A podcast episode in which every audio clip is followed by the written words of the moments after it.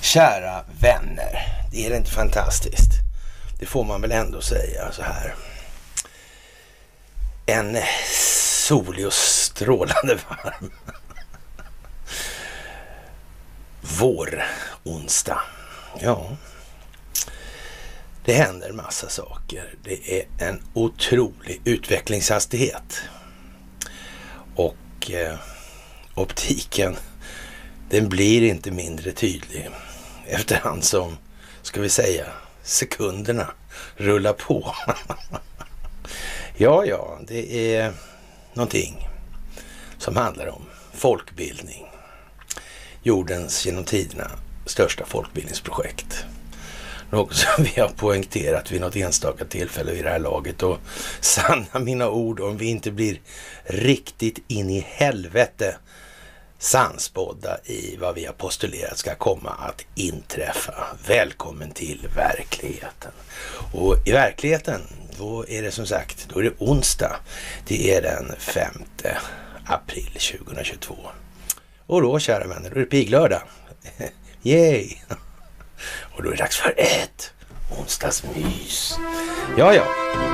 Ni ska ha det största tack. Fantastiskt vad bra det här är. Och vad duktiga ni är. Det är otroligt att se hur ni tar till er den här nödvändiga förmågan att skapa överblick. A bird's view, eller fågelperspektivet. För att ha en bättre grund för de beslut ni fattar om era tankar. I, och med era tankar i det här. Det handlar om att kunna förändra sina känslogrundande värderingar. Det är bara så individen kan utvecklas och det är bara så som samhället kan utvecklas. Såklart. Och återigen alltså, ett jättetack för att ni skänker gåvor på Swish och Patreon. Ett jättetack för att ni fördjupar er på karlnorberg.se och ett jättetack för att ni hakar på Telegramtjänsten. Och som ni kan märka själva numera så, ja, det är ju roligt att få rätt. Så liten själ har ju människan och eh, fast egentligen är det beklagligt att det ska behöva vara så här. Naturligtvis, så är det också. Och vi befinner oss ju lite i en lite sär situation eller säregen om man så vill det här med att vi befinner oss i Sverige. Det tror jag de flesta som följer den här kanalen i vart fall börjar förstå att ja, det verkar inte helt så att säga ha varit till omvärldens fromma som allting har skett. Nej, det kan vi nog konstatera. Och vad sägs om att börja då med vår käre ja, schamankyrka ska vi väl säga då, när vice riksbankschefen säger räntan behöver höjas tidigare. I ett tal på onsdagen meddelade vice riksbankschef Martin Flodén att Riksbanken behöver omvärdera sin penningpolitiska plan. ja, ja, ja, ja. Det innebär, säger han förnumstigt och grötmyndigt, att vi behöver höja räntan betydligt tidigare än vi planerade i februari, säger han enligt ett pressmeddelande. Och börjar sin förklaring på det här då med sina schamankonster och sådär. Martin Flodén betonar att Riksbanken inte kan påverka internationella priser på råvaror och frakt och att det därför är oundvikligt att inflationen fortsätter att vara hög den närmsta tiden. Jaha, men eh, är det inflation det då? Är inte det prishöjningar? Beror det på inflation verkligen det där? Är det helt säkert? Det bara kryllar av pengar som springer runt och krigar med varandra om att få beskriva värdet på varorna på alla marknader. Ja, ja, ja, ja. det är liksom överlikviditet i realekonomin enligt eh, käre Martins, broder Martin ska vi väl säga då som en känd religiös figur i sagornas värld alltså. Det var John Bauer jag för mig förresten. Ja, det är, ja, han eh, drar med en ramsa, trollramsa till så här då. Men vår penningpolitik kan se till att den inte blir varaktigt hög, säger han vidare. Men fan, vad menar karln här nu?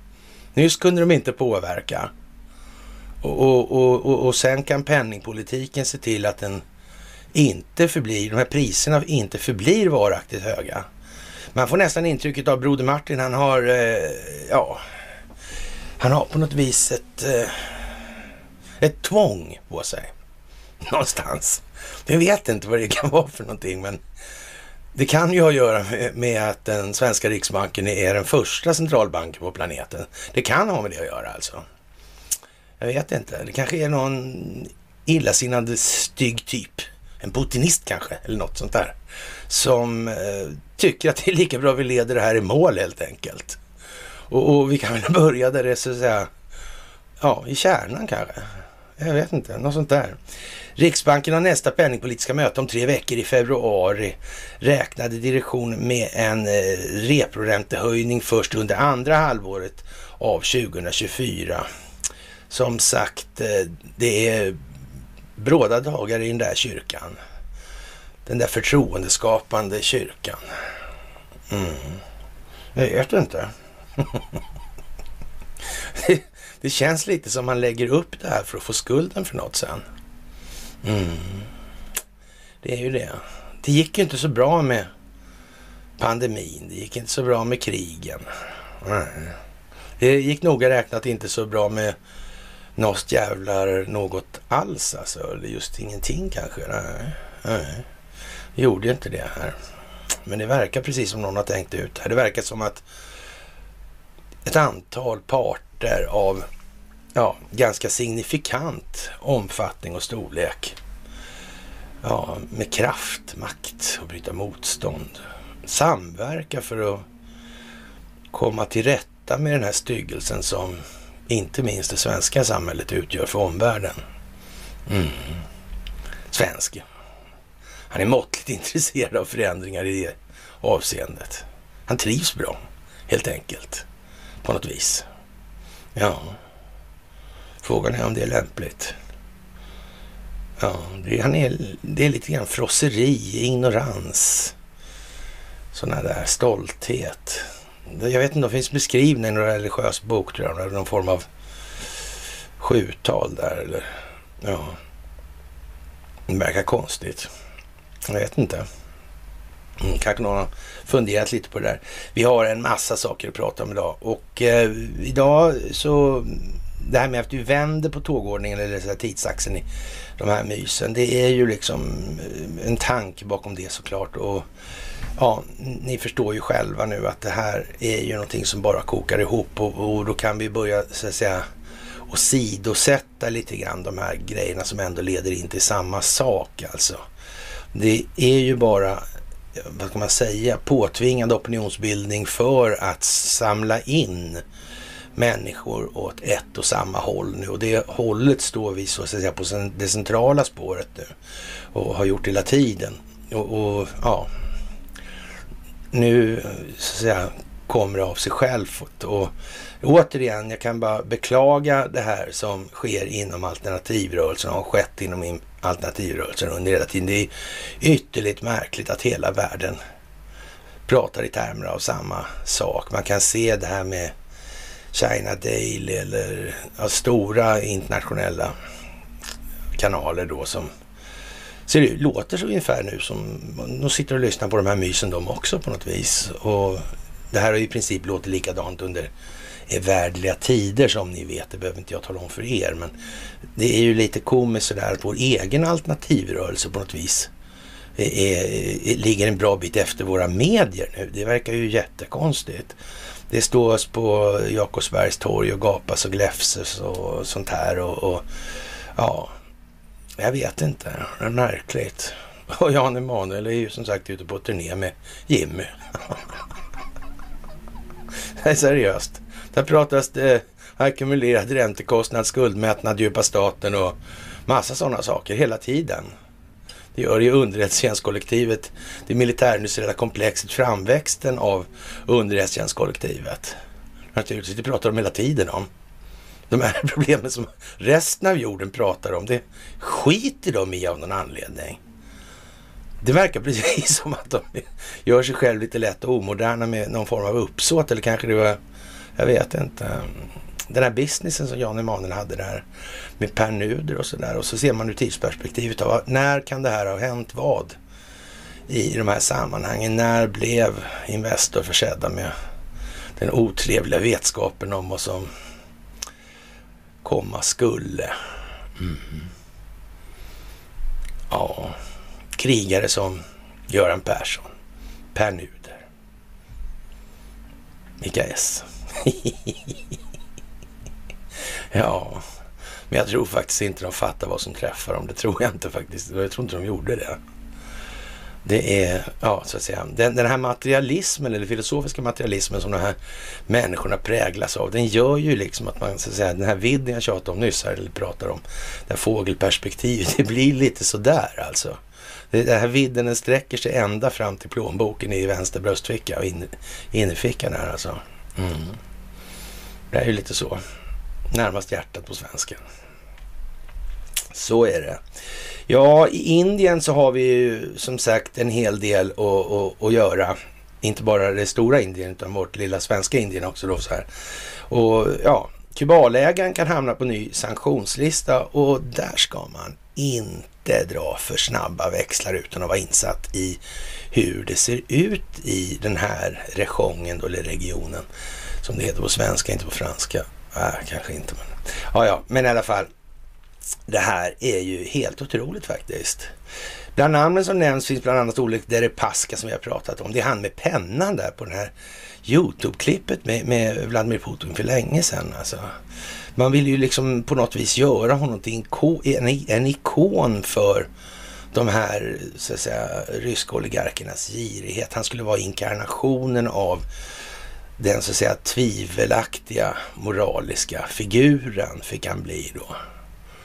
Och, och, ja, och sen kommer det där konstiga med Lavrov när han hade möte med Ann Linde när Lavrov säger så här att han förväntar sig att den svenska staten ska ja, stödja Kubal här nu mm, i det här.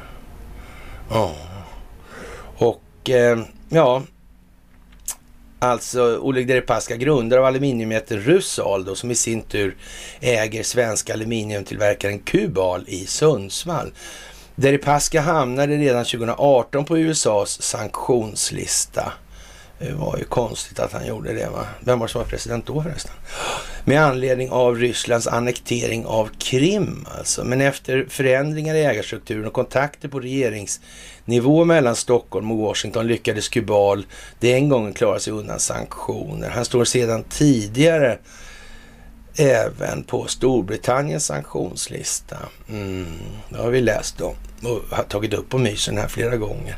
Andra personer som kan bli aktuella för sanktioner från EU är bland annat Herman Gref, chef över Sperbank, Alexander Shulgin, chef för e-handelsplattformen Ozon och Said Kerimov som äger Rysslands största guldgruva, Polyos, eller Polyos. Även Vladimir Putins döttrar kan bli aktuella för sanktioner. Alltså för Vladimir Putin, han är världens rikaste man då, e, enligt då Bill Browder i alla fall då. Mm. Ja, vad ska det bli av det här egentligen? Det är ju jättekonstigt, är det inte det? Mm. Men och så den här konstiga grejen i Sundsvalls tidningar som går hela tiden alltså. Det där Skifu. Som, som liknar nästan ingenting. Som inte ens med någon eh, som helst rimlighet eh, har stått för en utveckling som, eh, ja, hela kommunen måste känna till det helt enkelt. Det är helt omöjligt, allt annat. Mm. Det där verkar ju speciellt. Mm. Undrar vad det är för stöd egentligen som han Lavrov har tänkt sig. Mm. Jag vet inte. Hur var det där med vilka objekt var det som Sverige skulle försvara? Det var Göteborgs hamn, Arlanda och just det E14-sträckning från Sundsvall till Trondheim. Ja. Trondheim, där går en atlantkabel in, en fiber går in där ja. Eller ett par kanske. Ja, ja. Minsann, minsann, minsann. Och Den där rackaren går ju längs Ljungan sen också. Hur är det med energiförsörjningen till de här serverhallarna? Var kommer den ifrån där? Finns det inte linjesträckning där någonstans från något som heter typ Torpshammar eller något sånt där konstigt? Ner till, ja, Mellansverige där, eller Eskilstuna-trakten kanske. Amazon. Amazon, konstigt varumärke förresten. Vems varumärke är det där egentligen? Mm. Men det är inte Elon Musk i alla fall. Mm. Utan det är han som äger Washington Post också som har det där också. Ja. Fast han samarbetar med något företag när det gäller det där, Uh, det där Amazon Web Services eller vad det heter. Va? Är det inte så? Jo, visst. Det, det är de som hand om, eller hade i alla fall, hand om Pentagons och amerikanska militärens informationshantering. Det är praktiskt. Mm. De kör inte det utomlands, eller skulle de aldrig göra. Nej, det tror inte jag. Ja, som sagt, förändringens vindar viner som ni hör kanske.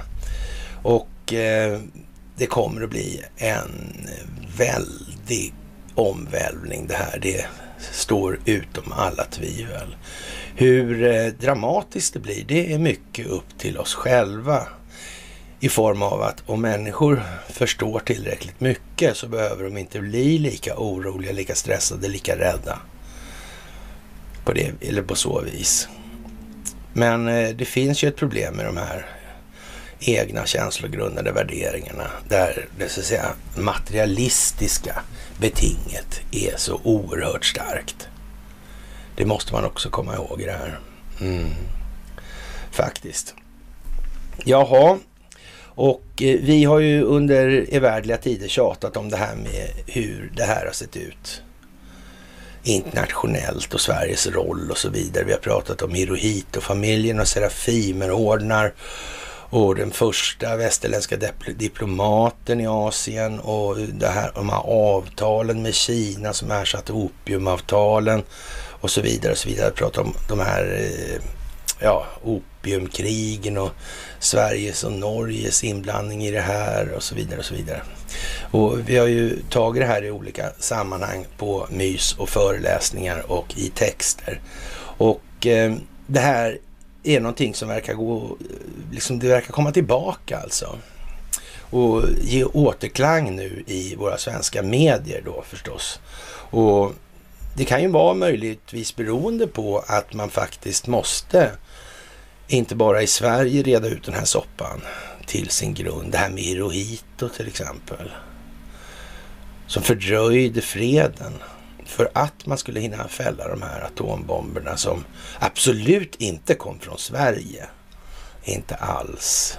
Idén med Lise, Lise Meitners kärnklyvning, det vet vi alla var att någonting hon kom på en dag när hon var ute och promenerade och då hade hon papper och penna som svenska plägar har när de ska göra stora tankemässiga uppfinningar. Mm. Kom hon på hur man gjorde helt enkelt. ja, ja, ja, ja. Ja, det här med Japan och historia och i relation till Sverige och dess roll för den geopolitiska utvecklingen. Alltså, sedan andra världskrigets slut har den tidigare japanska ögruppen Kurilerna varit under ryskt styre. I läckta dokument framgår nu att Japan tar diplomatiska steg i riktning mot ett återtagande av Kurilerna som nu beskrivs illegalt ockuperade av Ryssland, rapporterar Kyodo News. Det var en stor fråga så länge jag har studerat Japan, säger Linus Hagström, professor vid Försvarshögskolan, en instans som inte kan antas vara annat än starkt Stockholmsbyråkratiskt präglad. Och vad det innebär, det förstår ni nu. Japan kommer åter att beskriva Rysslands decennielånga styre över Kurilerna som eh, en illegal ockupation. Det framgår av nyligen läckta dokument. Mot bakgrund av den ryska invasionen av Ukraina så har det diplomatiska tonläget skruvats upp hos flera av ledarna i Rysslands grannländer, senast i raden nu, alltså Japan. Vi är inte i ett läge där vi kan föra samtal. Så beskriver de läckta dokumenten det hårdnade diplomatiska läget länderna emellan. De läckta dokumenten ingår i utkastet till Japans blå bok, en årlig publicering i vilken landet redogör för sina diplomatiska relationer med omvärlden. pågående dispyt, alltså sedan andra världskriget är det här. Och eh, ja, det här handlar om då ett antal öar då, en som heter Kunashi, en som heter Shikotan och en som heter Shabomai. Och Eh, det här hade sin start vid andra världskrigets slut då, men det är inte riktigt sant. Det här ligger ju längre bak i tiden naturligtvis. Det ligger ända bak där vi börjar att prata om det här någonstans. Det handlar om rysk-japanska kriget och de här grejerna. Vad var det här för någonting egentligen? Kanske det ska redas ut. Kanske redas ut vad de här kejsarna egentligen håller på med. Varför de har fått de här Serafimerordnarna? Skulle det kunna vara en idé kanske? Kan någon ha upptäckt det? Alltså, det kan ju vara så att någon har tittat liksom suttit och slagit liksom på Serafimerorden och tittat i den här, ja så att säga, de här längderna och sett vilka har fått de här och konstaterat att det är ju jättekonstigt. Hur fan kom det här sig? Det där är ju liksom inga moraliska föredömen exakt. Det enda som är förvånande var att det inte var fler nazister bland de här Serafimerriddarna. Det kunde man ju förvänta sig. Det var ju rätt lång tid därifrån. Om vi säger så här 22, 23 där och ölhallscupen. Okej, men 25 då när han kommer ut från Landsberg då. Men sen borde det väl vara fullspäckat. Och att Hermann Göring inte fick den, det måste ju ses som närmast otroligt. Faktiskt. Men möjligen så tyckte man väl att man vågade inte ta den risken. Det skulle bli för uppenbart helt enkelt. Ja, ja, ja, ja. Och eh, vad ska man säga så här att amerikanska trupper hade under krigets slutskede flera olika invasionsplaner för den ungefär 1300 kilometer långa japanska öremsan som sträcker sig mellan den ryska halvön Kamchatka i södra spets ner till nordöstra delen av japanska Hokkaido. Eh, planerna ansågs dock alltför riskfyllda. När Japan väl kapitulerade den 15 augusti 45, alltså det är, ja, vad ska vi säga, dryga veckan då efter den första bomben i Hiroshima. Den här bomben som la, så att säga, grunden för förutsättningarna för att det kalla kriget skulle kunna uppföras eller uppstå. Men det kommer vi tillbaka till, för här sitter ju jätte tajt nu alltså. Vi står liksom i princip på en punkt och bara snurrar och ser vad som faller in hitåt.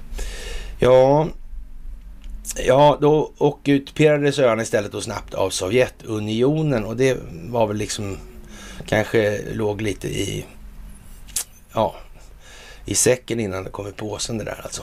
Japan hade då stridit tillsammans med axelmakterna, alltså Italien och Tyskland lustigt nog alltså. Medan Sovjet hyllas för sina insatser för att stoppa Tyskland i krigets slutskede.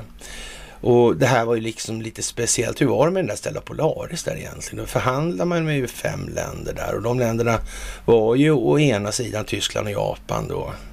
Och å andra sidan Frankrike, England och USA. Man hade alltså förhandlings läge med båda parter.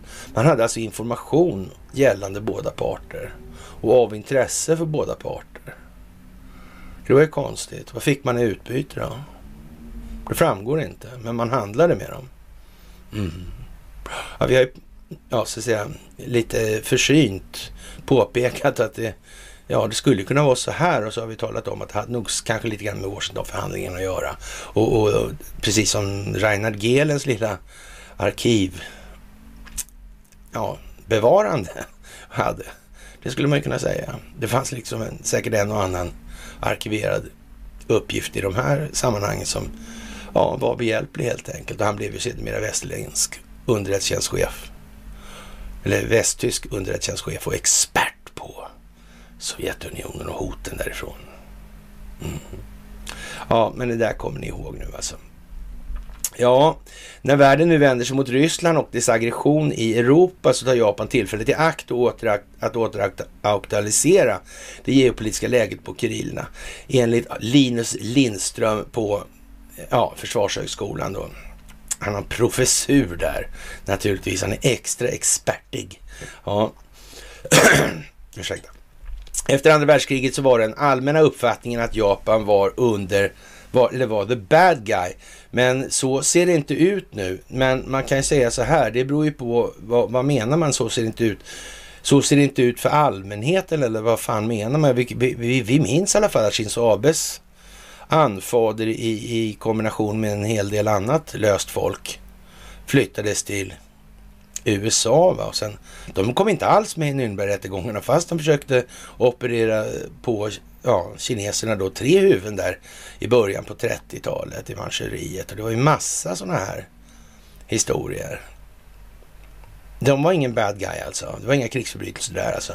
Det var inga stora rasister, inte japanerna. Nej då, inte alls. Nej.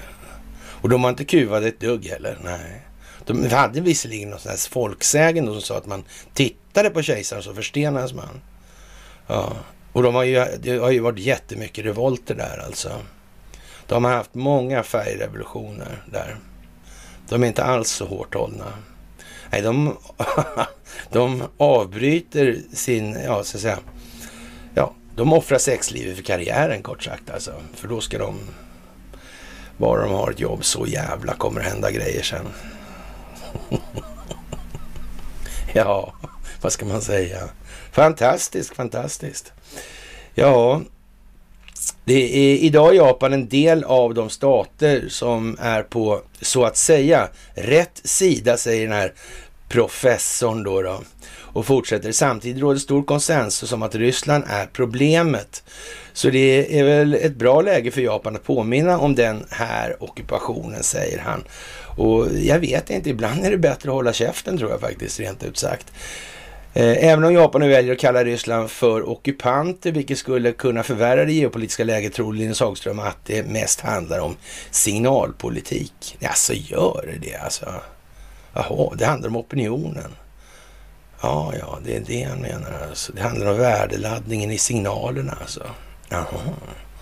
Det är en skarping det där alltså, det är tydligt det. Ja, det handlar om optikerna. Har man opinionen med sig kan man göra vad man vill alltså. Kan man bete sig hur jävla svinigt som helst. Det finns naturligtvis inga exempel på. Inte ett enda. Eller? Ja. Ja, ja, ja, ja, ja, ja. Men Japan har en väldigt kapabel eh, eller rättare så här ska vi säga, efter den japanska kapitulationen alltså, så skrev San Francisco-fördraget. Japan straffades för sin inblandning i kriget genom att förbjudas att använda krig som för att lösa internationella konflikter. Ja, landet förbjöds även att ens ha en militärmakt. Men Japan har en väldigt kapabel militärmakt ändå då på något vis och ingen har sagt någonting. Det är konstigt. Och konservativa politiker försöker revidera de formuleringar som har stipen, eller stipulerats Japans så kallade fredskonstitution och med kriget i Ukraina har diskussionen blivit aktuell, säger Linus Hagström. En officiell publicering av den blåa boken kommer att ske senare i april. Och det där är ju lite tjusigt alltså.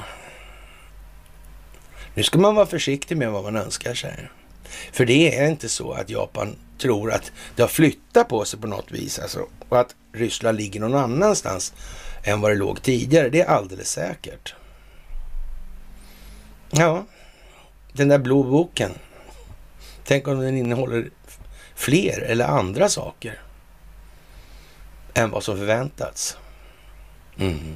Då kanske Linus får problem. Det gör ju inte så mycket i och för sig, för Linus verksamhet, den är vad den är helt enkelt. Och den behöver vi inte så att säga, den behöver vi inte sakna så mycket än när den dagen väl kommer. Och eh, ja, en officiell publicering där alltså. Jaha. Min gissning, säger eh, gissningspiggelinus då.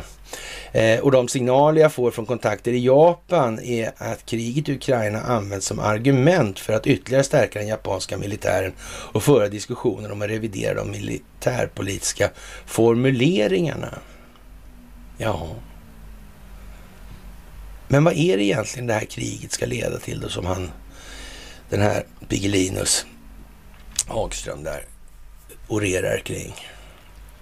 Vad, vad är liksom, ska alla anfalla in i Ryssland då eller? Hur är det tänkt? Vad är liksom den strategiska planen i det här? Ska de invadera något som är 12 tidszoner brett? Blir inte det lite besvärligt? Faktiskt. Man skulle kunna tro det.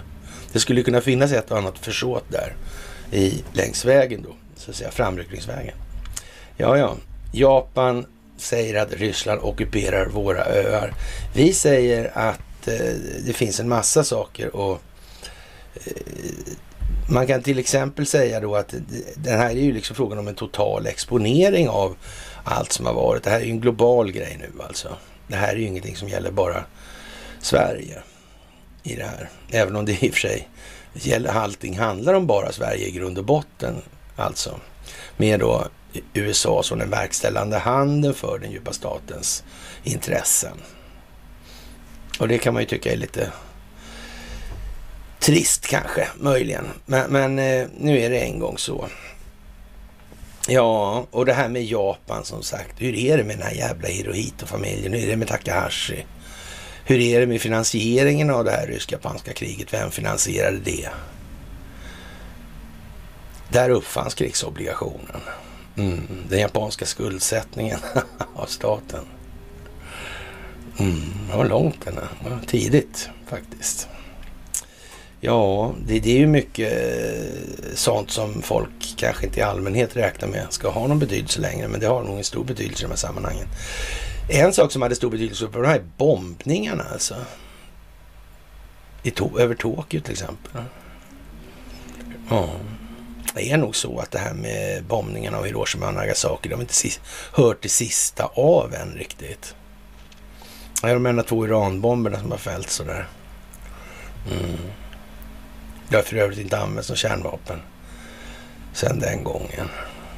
Nej. Det är konstigt det där.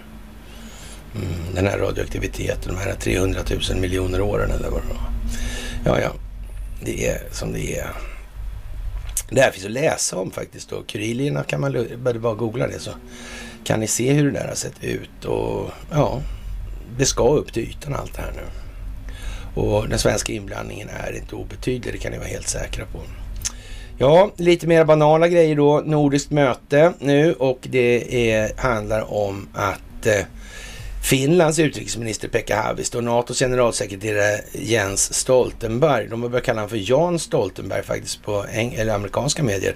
Och det är nog förmodligen inte av artighetsskäl då. Och utrikesminister Ann Blinde. Och de har ett möte, ja, eller de ska ha möte nu rättare sagt. Och jag vet inte om, eh, ja, ett separat möte med NATO och Finlands det är idag då uppger regeringen i ett pressmeddelande. Möte sker inför NATOs extrainsatta utrikesministermöte där Sverige och Finland är särskilt inbjudna imorgon tillsammans med andra samarbetsländer som Ukraina, Georgien, Japan, Sydkorea, Australien och Nya Zeeland. Vänta här nu, nu ska vi se här. Då har vi eh, Australien och Nya Zeeland. Är det någon form av kronkolonier som är med i Five Eyes? Ja, det kan det vara. Mm. Sydkorea, det är, är ena parten i det kalla krigets ingress. Mm, Koreakriget där. Just det, ja. Det är det ja. Och, och Korea tillhörde Japan tidigare, ja. Men det har de inte gnällt, det gnäller de inget om va? Det, det, det, säger de inget om. De säger ingenting om att det, Korea är, är japanskt. Japanerna alltså. Det skiter de i. Men kyrillerna bråkar de om. Jaha. Ja, jag vet inte. Det är konstigt det där alltså. Och sen då? Ukraina, har Sverige något att göra med det? Nej, vet inte, är det så? Mm. Har, har, de haft fing- har Sverige haft fingrarna i det någonting? Ja, det ska väl vara den där lilla detaljen med de här hedersombuden, eller på säga, men särskilda sändebuden för ekonomi och demokratiutveckling, Jan Eliasson, Carl Bildt och Göran Persson. Ska vara de då kanske möjligen? Ja, I övrigt ingenting, förutom Ericsson naturligtvis. Och växlarna och transmissionen. Kan ju vara någonting också. Det är konstigt också det med Ukraina. Att inte ryssarna bara sopar sönder hela jävla telekominfrastrukturen här om det var en invasionsföretag. Men det var ju ett militärt angrepp säger man. Frågan är om det var ett angrepp, om det inte bara var ett ingrepp. Mm. Och de kapitulerar ju faktiskt rätt rejält där nu. Börjar dyka upp filmer på, inte i svenska medier naturligtvis, men ändå i övrigt. Det är ju något med det där som är liksom lite sådär alltså. Ja, ja. Jorgen har det varit lite strulig också, ja precis. Ja. Vem är det som har telefonen där då? Jag vet inte. Faktiskt. Det är ju konstigt det här att det alltid ska behöva vara på det här viset. Ja, men Sverige är ju fint. Fantastiskt säger man ju. ibland. Och det är ju tjusigt kanske. Som sagt, Serafimerorden och annat glitter och glans är vi bra på. Smickrande för folk som tror på sånt, kan vi väl säga då. då. Det behöver väl i och för sig inte vara fel på det viset heller om det så att säga inte används med det omvända syftet, det, vad det förespeglas vara. Det är väl närmast så då. Och eh, jaha, det här med den amerikanska verkställande handeln alltså. Det är ju nu någonting som faktiskt människor börjar, ja, de börjar upptäcka det här och det gör medier också så att säga.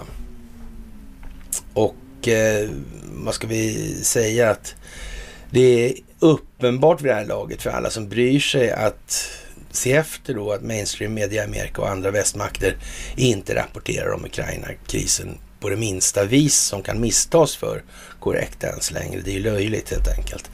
Och eh, den regeringsövervakade New York Times alltså och resten av företagsägda medier på båda sidor av Atlanten ljuger rutinmässigt för sina läsare och tittar om varför Ryssland ingrep i Ukraina. Framstegen i dess militära operation, de ukrainska styrkornas uppförande och USAs roll i att medvetet provocera fram och förlänga den här krisen då. Och eh, ja, det är, så vitt eh, den här skribenten känner till så är det första kriget i modern historia utan objektiv principiell bevakning i mainstream media av dagliga händelser och deras sammanhang. Ingen alls. Det där var väl kanske det bland det dummaste man har hört egentligen. Och det får man vara ursäktad att man har skrivit med gott uppsåt De kanske inte förstått att det aldrig varit något annat. Inte för, det här är inte första gången, det har aldrig någonsin varit något annat. Man förstod sig redan på, från början då liksom att har man opinionen med sig kan man göra vad som helst och har man den inte med sig så Ja, och det här med masskommunikation av information, det var minsann ingenting man tänkte att det skulle ligga på andra hur som helst som kan göra och, och, och i sin tur styra och skapa opinion. Det finns ju liksom inte på en karta. Då får man ju vara liksom ordförande i Svenska Trögfattarföreningen. Det är liksom, men så är det inte alltså. Helt värdelöst och, och, ja, så att säga. Men man kan ju ta delar ur det, brottstycken ur det här i alla fall. Och, mm. och det här med ja, vem som gör vad och varför. Och, och, det är som sagt, om man, om man tittar strikt militärt på den verksamhet som bedrivs i Ukraina så är det ju inte någonting som är rätt egentligen. Då. Och man, man kan ju säga så här att vad skulle ha hänt? Och man skulle naturligtvis gjort en forensisk undersökning rakt av. Det är allvarliga saker det här. Det får ju inte finnas utrymme för godtycke om det här ska kunna ha någon trovärdighet. Men det är ju på något vis så att det är ju hela tiden så att det blir utrymme för, det skapas utrymme för godtycke. Det verkar nästan som att det är uppsåtligt gjort. Ja, och det är det naturligtvis. Och det i sin tur säger ju vad det säger. Man är inte villig att riskera att utsättas för en forensisk, forensisk oberoende granskning. Det måste vara beroende det här. Det är lika löjligt som det här med Novichokket och Sverige. Det är liksom som det är. Kort sagt, värdelöst helt enkelt. Ja, eh, under några decennier då, ja, från mitten av kalla kriget skulle jag säga då, här, säger han här då, har amerikaner mycket sårbara för manipulationer av de som kontrollerar bilderna, vilket genom de flesta, flesta människor har kommit att leva. Alla som har läst en historia om läst historia om 1900-talet vet vad det här kan leda till då. Och eh, de fem veckor som har gått sedan den ryska interventionen då den 24 februari har varit chockerade på båda dessa punkter då. Och jag, jag vet inte heller, det är många sådana här eh, eh, saker som... Alltså USA ligger på sin nivå på sitt sätt och det här är ju naturligtvis rätt. I, i grund och botten så att säga, det är rätt riktning alltså. Men, men eh, det är ju lite, det kaninnhålet är ju lite djupare än att tro att det är från typ mitten på kalla kriget. Det här med att kalla kriget uppstod av en anledning, det verkar liksom inte eh, finnas i sinnevärlden riktigt än. Och, och, och, där har vi ett exempel på det. Vi har liksom en situation här och de har någon helt annan. Alltså det är, är stor skillnad alltså. Och, och, det här är Consortium News då som ska vara då liksom, ja, det ska ju vara en seriös publikation och, och, och liksom, de aspirerar ju liksom på att det här ska vara rätt bra grej. Men, men eh, ja, som sagt, en, den, en genomsnittlig svensk då eh, av självtänkande natur förstår ju på en gång att nej, fan menar väl, men ah, det blir lite svajigt helt enkelt. Sådär och, och ja, det är inte bra det här med att tänka själv alltså. Ja. Varför kan vi inte bara låta folk tro på vissa saker, ville denna omtänksamma man eller kvinna veta. Vad är det för fel med andra ord att om att tänka och tro på fina saker som inte stämmer? Ja, då får man ju människor att må bättre.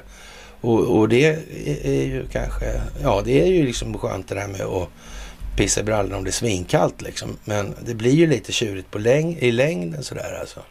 Och som sagt den här historien med eh, Buscha, alltså det, det är ju fan för bedrövligt alltså. Och de här satellitbilderna, vad säger de egentligen? Hur, hur har det här gått till alltså? Hur, hur ser den ryska närvaron, tidsaxeln ut med den ryska närvaron? Vem har gjort, kan ha gjort vad, när? Vore det inte lämpligt att fastställa dödsorsaken på alla de här liken då? Och, och kanske hålla käften innan? Ja, men man skulle kunna tänka sig så här då. då. Och om det nu visar sig att de här människorna har varit döda, eh, ja, länge, kanske veckor och sådär. Hur fan ser det ut då? Ja, då ser ju naturligtvis någon kommer se ut som en idiot efter det här mediala utflödet av information. Det är bara så. Mm.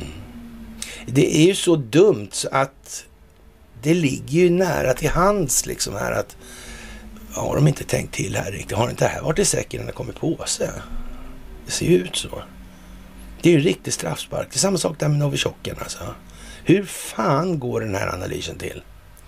Mm. Hade de Novichok någonstans där i Ukraina? Vet vi det? Mm. Ja, som sagt, eh, ja. Upprördheten från Washington, London och Paris, då världsomspännande upprördhet skulle det vara då. Den var naturligtvis omedelbar på det här och, och inget krav på opartisk utredning och kriminaltekniska inspektioner eller något sånt där larvigt. Det är skit alltså. Ingen frågade varför lik som lämnas på gatan i fem dagar verkade vara färska eller varför anhöriga till de döda lämnade de där till, till Kievs kommandoenhet anlända? Det är många sådana här frågor. Men det gäller ju att inte förledas i affekt alltså. Alltså att man är för uppe i känslan. Man tänker internationellt. Det blir dåligt helt enkelt. Ja, som sagt. Eh, ja, det, det, här är ju liksom eh, någonting som är väl känt för er nu. Men ni får ju ändå se de här riktigt målande exemplen alltså som skapar en optik som är i princip Ja, det blir ju löjeväckande det här naturligtvis. Det är ju så. Det är ju inte så mycket att be för den delen alltså. Och eh, ja, en död kropp på en ukrainsk gata kan med andra ord tilldelas en betydelse om som när den väl har fastställt bevis på motsatsen. Och ja, den går ju inte att radera då. Nu, någon kommer ju, det visar sig vad det här är för någonting, dödsorsak och sådana. Och, och ja, som sagt, vem har placerat ut dem där? Mm. Hur gick det där till egentligen? Det är lite grann över kemattacker gråtande barn utanför daghem med ledsna hundvalpar och blinda hundvalpar kanske till och med också. Sådär. Mm. Mm. Västvärlden förfäras. Hur går det för makaroner förresten? Har han någonting att dölja i de här sammanhangen? Ja, jag vet inte. Vi får väl se. Vi får väl se. Det lär visa sig om vi säger som så. NATO-officerare från Frankrike, Tyskland, Storbritannien och eh, neutrala inom citationstecken Sverige är fast i Mauripol där. Då har de ju gett sig i ja, stora skockar då. Ett antal hundra människor och kanske tusentals människor till soldater. Men jag vet inte heller, ska man kalla det för reguljära enheter med vita gymnastikskor på? De har alltså inte militär utrustning ens. Komplett. Hur är det egentligen? Och den här eh, tjetjenske befälhavaren som håller tal till de här krigsfångarna. Mm. Hur är det här? Vad de här människorna gör i Mauripol då, så nära fronten, det verkar inte riktigt klart. Den här svensken, vad är det för lök? Är han anställd inom Försvarsmakten? I så fall har ju Försvarsmakten ett klart problem alltså i det här. Mm, han kanske inte är det.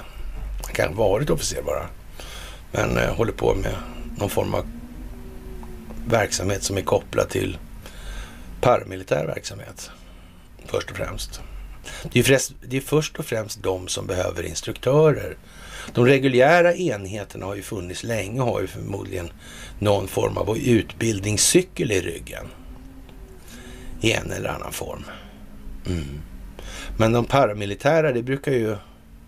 Det är ju inte så ovanligt om man tittar på Sverige till exempel att de här människorna inte får vara med i... Ja, så att säga. För de är ju liksom inte stabila på det sättet. Såklart inte.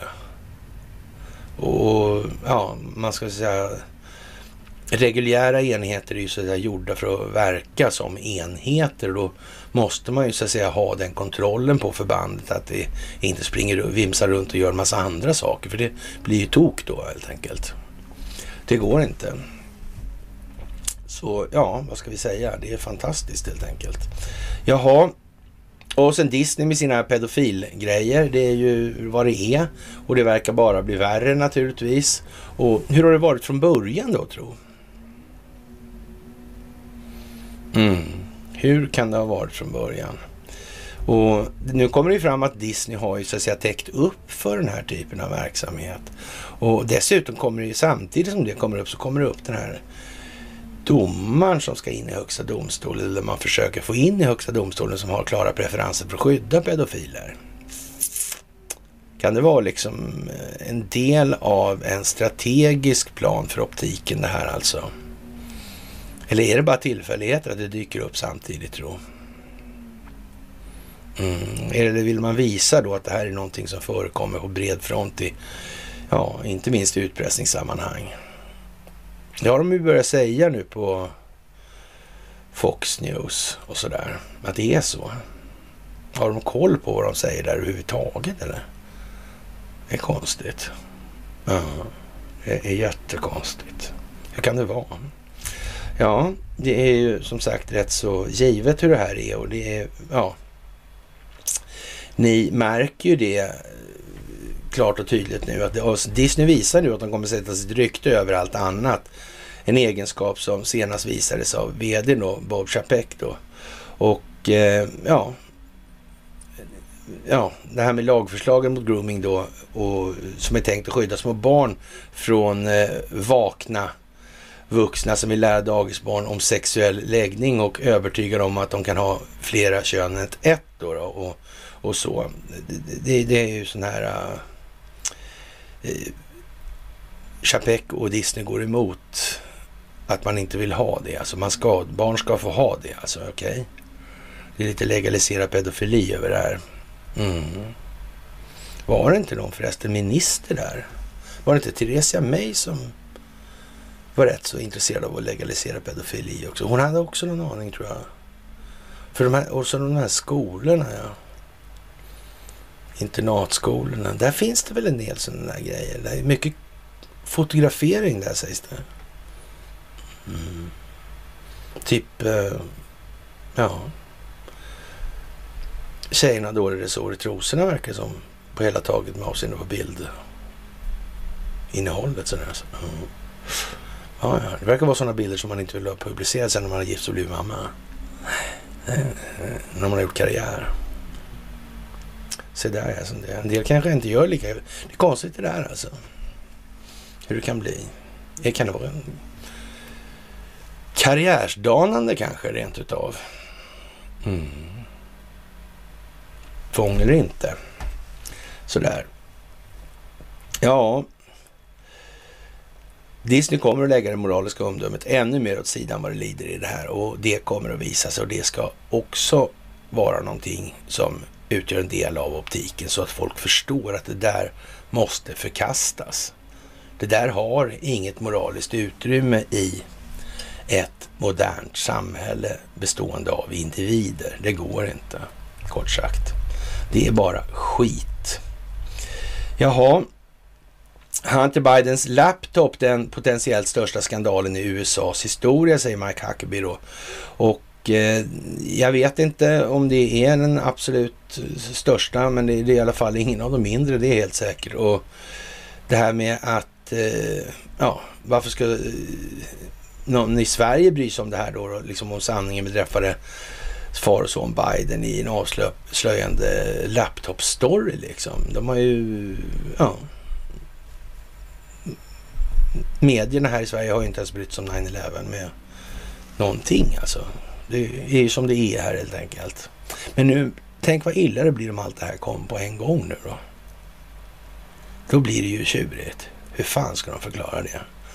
Just när de tror att det här har vi spunnit och så kommer en ny och så när de börjar fundera på att ja, nu, vi kan ju komma ur det så här. Just då kommer nästa och just när de upptäcker att den här ja fan, det var inte bra, nu kommer det mer här också. Och, och då kommer det en till också.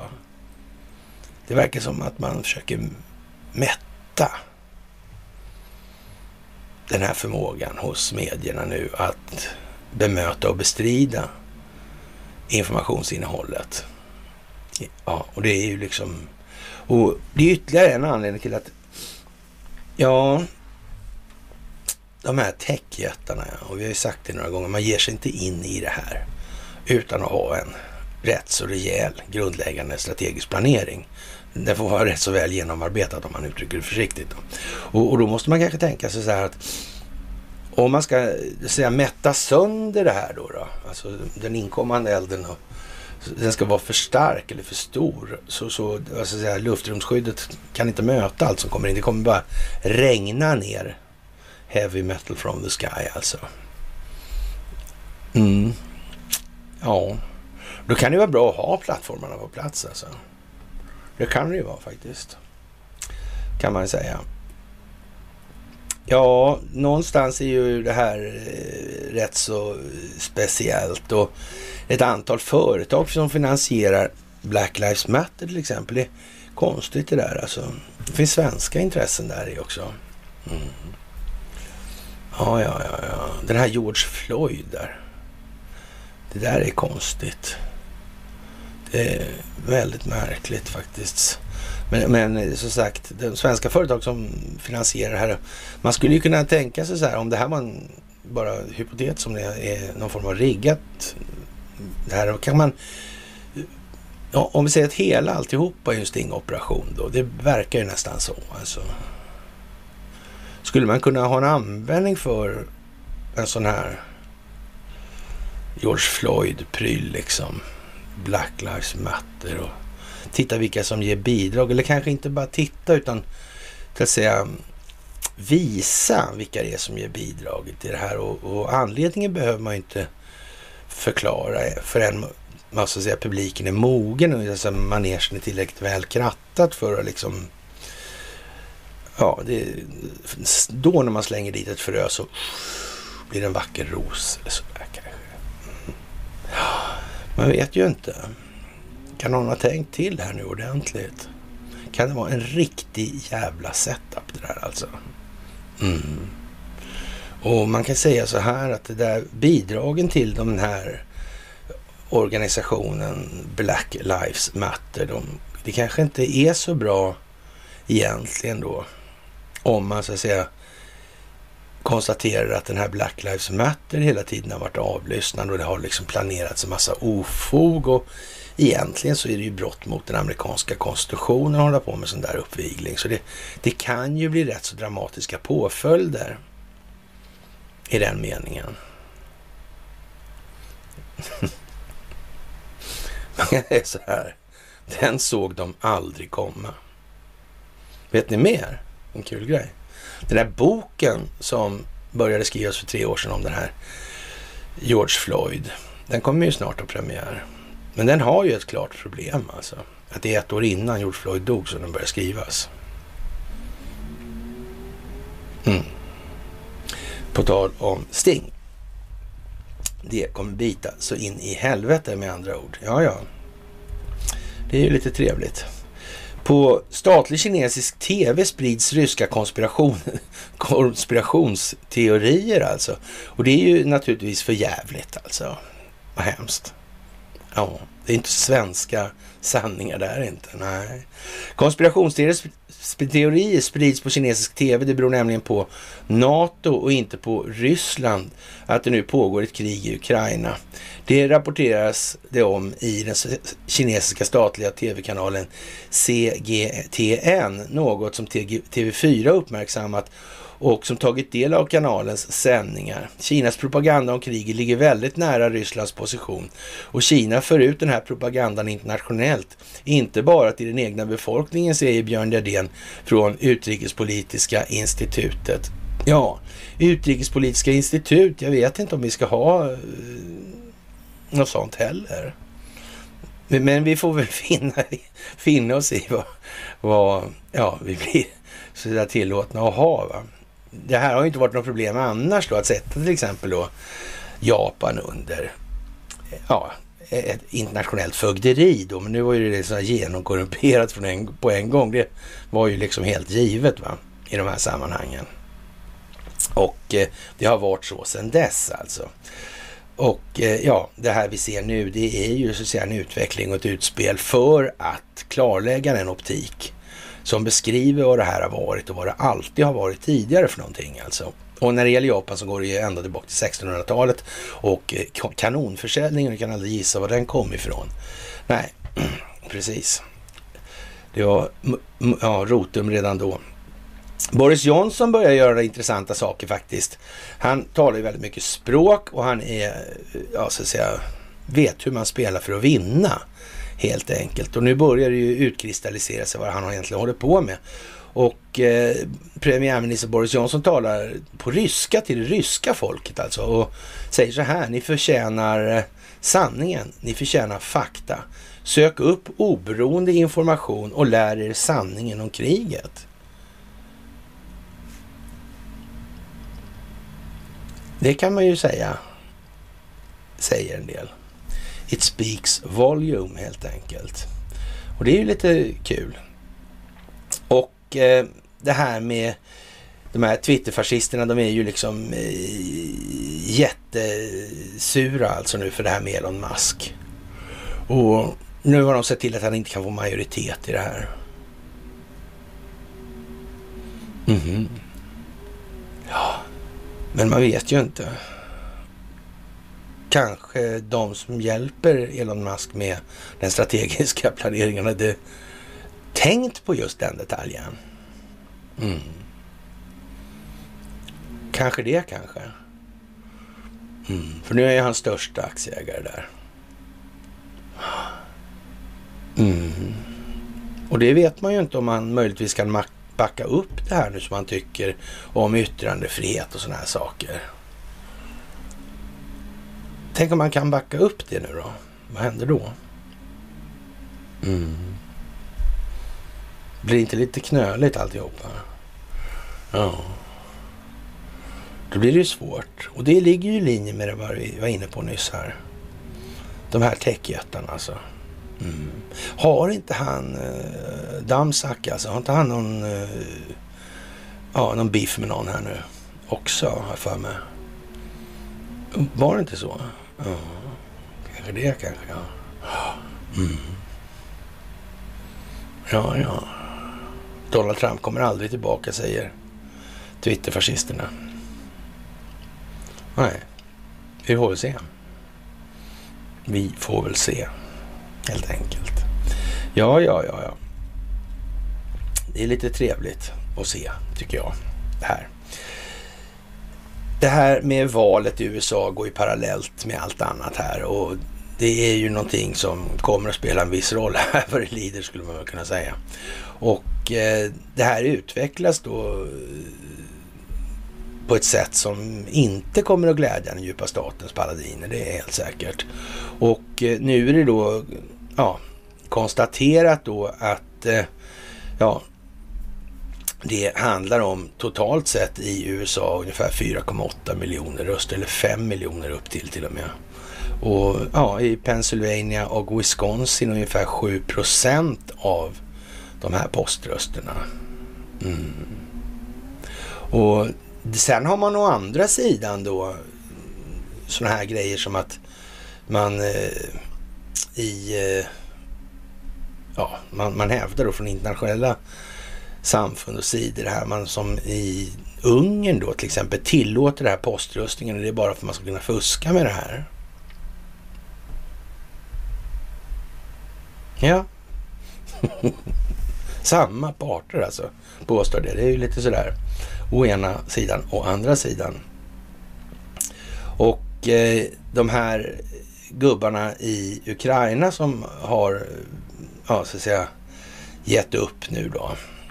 Och eh, det var 267 ukrainska marinsoldater, alltså det är ju inga sopor alltså. Det är ju det bästa de har i princip alltså. Och, och de har ju gjort vad de har kunnat men ja, och de behandlas alltså med en respekt som är tillbörlig. Och då undrar ju vän av ordning då, men naturligtvis, eller säga, spinnet från västerländska medier är ju naturligtvis att de behandlar några bra och så filmar de det och sen de andra kör de över på gatan liksom. Och, och, det här är ju otroligt märkligt alltså. De har lagt en slalombana då på en gata och visar den här filmen då. Jag menar vad fan, har de, har de åkt stridsfordon där så vad, vad, vad, vad är det där för jävla skit liksom? Då kör de väl bara över folk liksom. Du behöver inte hålla på på något annat vis.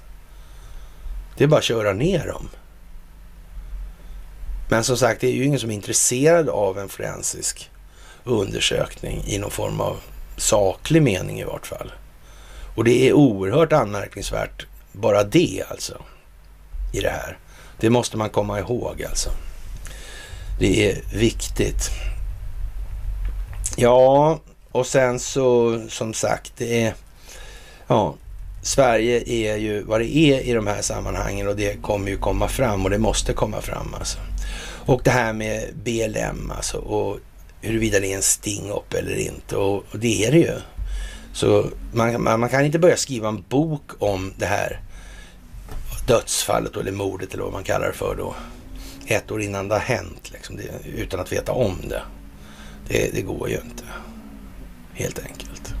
Så vi får väl se vad det där utmynnar i och sen visar det sig då att dessutom ovanpå det att det här eh, funnits en hel del ekonomiska oegentligheter som tyckte eh, då att en del Black Lives var lite mera matter än andra Black Lives.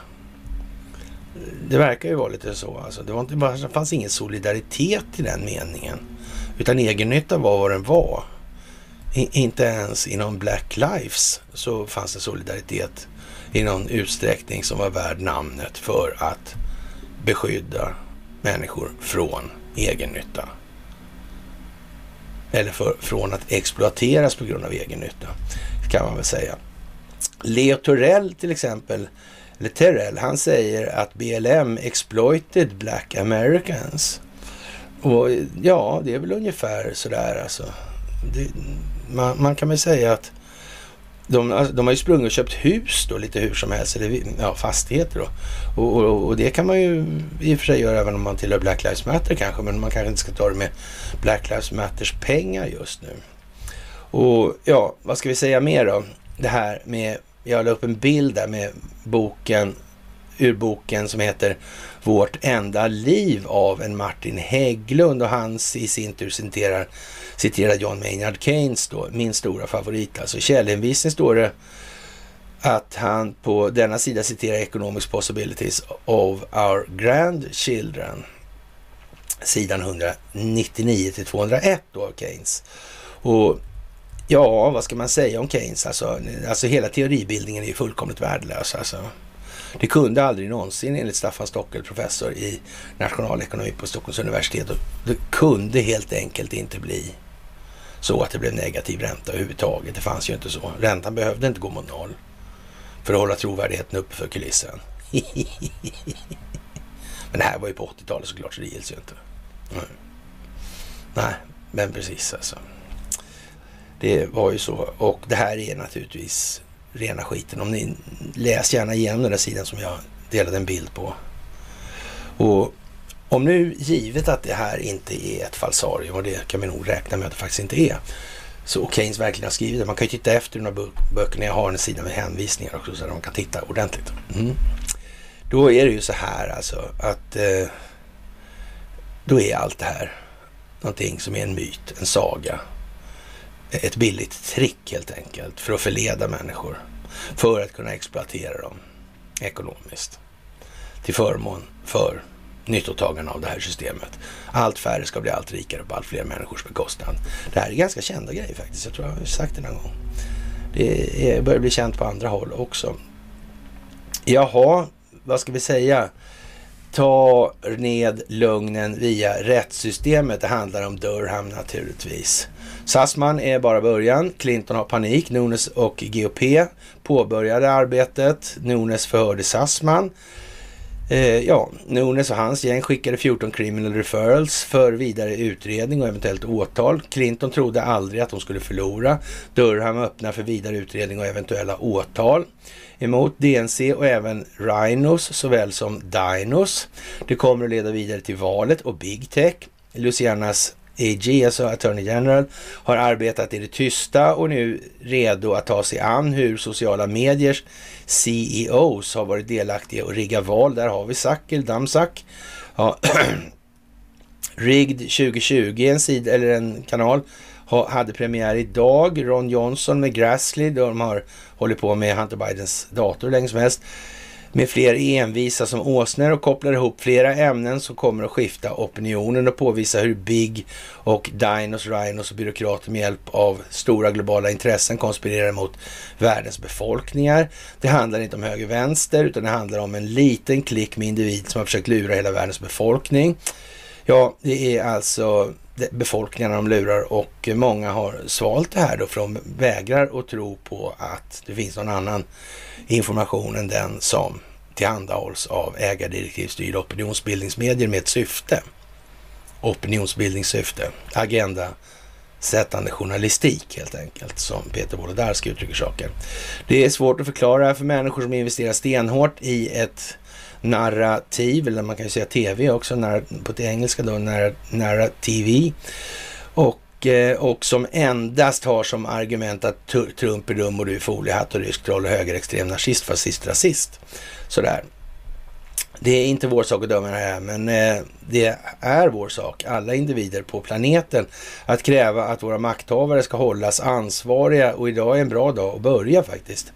Du ska inte följa opinionen, du ska följa bevisen och det har banne mig varit en intressant resa att göra ihop med så många kloka människor som ni är här bland oss då som håller på med den här kanalen till exempel. Det finns fler naturligtvis, men speciellt er tycker jag är fantastiskt trevligt att det finns och jag uppskattar mycket att träffa er i verkligheten på föreläsningarna. Vi är på gång med en ny föreläsningsturné och eh, vi behöver alltså ja, arrangörer i det och det är ni.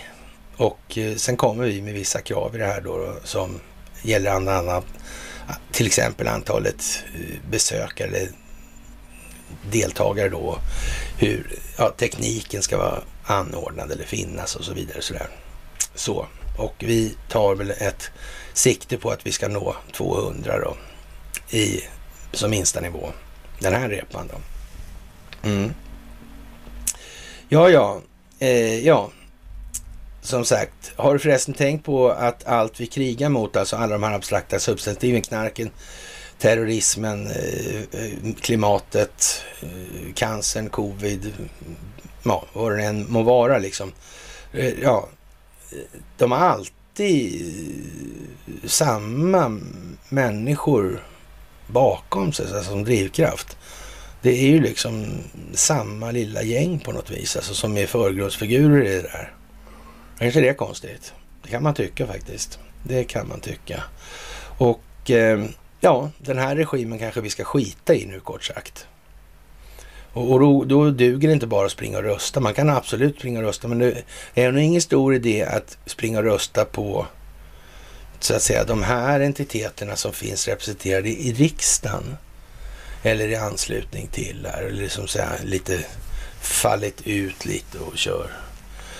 Man får nog faktiskt ha så att säga definierat en problemformulering med bäring på verkligheten först innan man överhuvudtaget ska öppna käften. Det verkar mycket bättre alltså.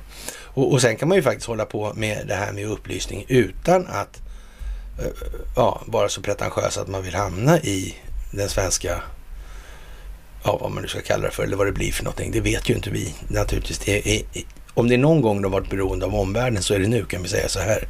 Vi, vi, får nog rätta oss lite grann efter vad omvärlden tycker och anser. Och som sagt att de åker på NATO-möten nu, det säger ju vad det säger alltså. Jaha, och eh, det går alltså åt helvete för Sassman och, och det här Sassman-fönstret som vi har pratat om så länge. Och bakom som sista alternativ så finns ju alltid den amerikanska militären i det här.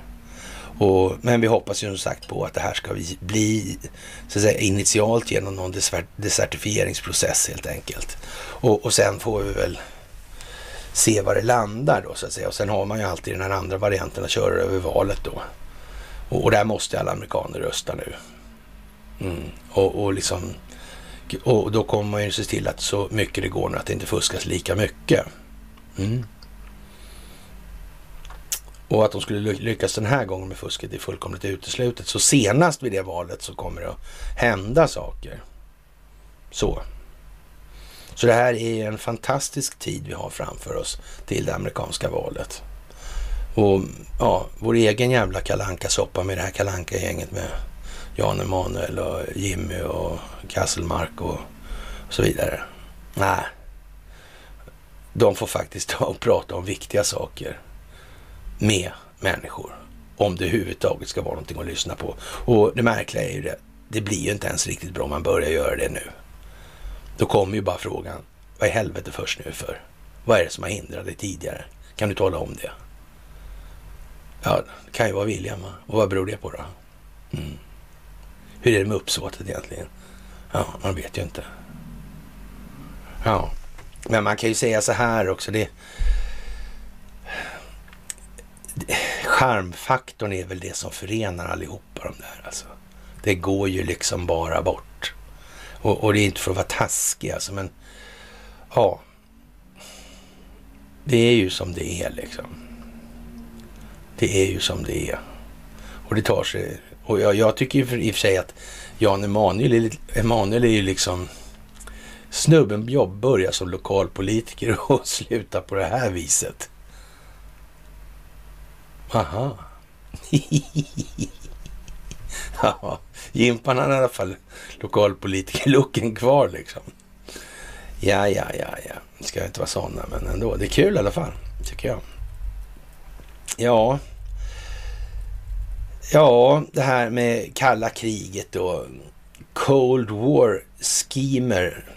Ja, reminiscenser av det forna eller amerikanska, den forna amerikanska segern och, och ja, och det skapade de här färgrevolutioner och så vidare. Här har alltså Global Times, alltså den kinesiska Global Times, skrivit en lång artikel. Och det eh, en riktigt bra artikel på så vis att den låter precis som de här mysen låter.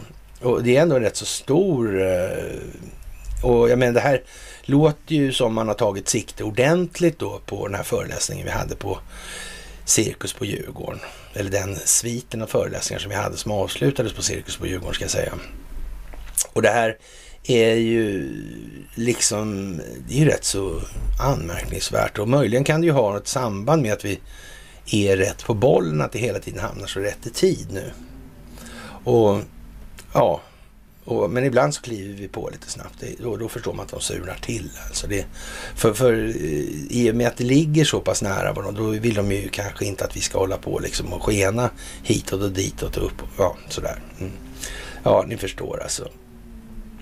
Och eh, ja, USA har agerat som en kalla krigets planläggare eller en vampyr som skapar fiender som tjänar och tjänar förmögenheter på krigsbål. USA är fortfarande en bluffare som hyser en kalla krigets mentalitet. USA spelar en central roll i Sovjetunionens undergång i det här alltså. Ja, och sen inledningsvis den här, eh, ja, Kalla kriget var inte en gyllene era av utrikesförbindelser utan var istället en tragedi som kostade människor miljontals liv runt om i världen. Det kalla kriget var meningslöst med undantag för Dallbrödernas intressen och för det bankkontrollerade militärindustriella komplexet och för Investor naturligtvis som räddades mer av det kalla krigets uppkomsten av sin egen förbättrade affärsmoral var en klassiker där. Och eh, ja, sedan eh, vad ska man säga, sedan den militära konflikten mellan Ryssland och Ukraina börjar har det internationella samfundet blivit allt mer medvetna om de roller som USA och NATO spelat bakom den här krisen. Och det är ju sant alltså. Det har ju varit en del av den här exponeringen. Precis som att covidiotin var en, så att säga, kil som slog upp en spricka i det här. Och sen skapade ett opinionsbildningsmässigt momentum för människor att börja frågasätta myndigheter och deras verksamhet. Det är ju så. Och, och ja, det här är ju viktigt alltså. Det, här, det räcker ju alltså inte med det. Det räcker inte med covidiotin och, covid och, och lite dieselpriser som undertecknade i vanlig ordning ett anfall av dåligt omdöme eller vad man säger, överskattning av någonting kanske. Ja, Nej, det, men, men det har ju fyllt sin roll som en del i helheten av den här folkbildningen. Och Ukraina-frågan är ju så att säga en annan. Det är en fråga vi har sagt ska spilla in i Sverige då. Det tar den vägen så att säga. Och sen kommer den här jävla flodvågen med det amerikanska valet som så att säga eh, slutligen eller ultimat avslutar de ägardirektivstyrda opinionsbildningsmediernas trovärdighet för alltid det, det, går ju liksom inte att ta tillbaka. De här som har skrivit det, det finns ju kvar liksom. Alltså det enda möjligheten är att de raderar allting på internet och, och in, det finns inte en enda dator som tagit en enda skärmdump. Liksom. Och det händer ju inte, så är det ju inte. Det är liksom fait accompli då nu. Och eh, ja, från att starta färgrevolutioner runt om i världen till att leda NATOs expansion österut till att hamna i Rysslands territoriella rymd från att införa sanktioner mot olydiga länder till att tvinga andra nationer att välja sida. The Global Times publicerade en serie berättelser och tecknade serier för att avslöja hur USA i sin supermaktsstatus har skapat problem i världen, den ena krisen efter den andra. Och det är som sagt ni, ni som har följt våran föreläsningsserie då, om man tar de som finns på Youtube-kanalen då, så ser ni att det här ligger ju i ett mönster som faktiskt exakt ser ut som den här artikeln beskriver. Nu är det inte så att vi gjorde de här föreläsningarna med start för flera år sedan med sikte på den här artikeln. Så det är mer så att det råkar vara så att så, så såg verkligheten ut nu och, och redan då alltså. Mm, såklart. Och, och, ja, det här är någonting nu som redovisas av Peking, lustigt nog. Ja, vem vet vad det kan bli av det här?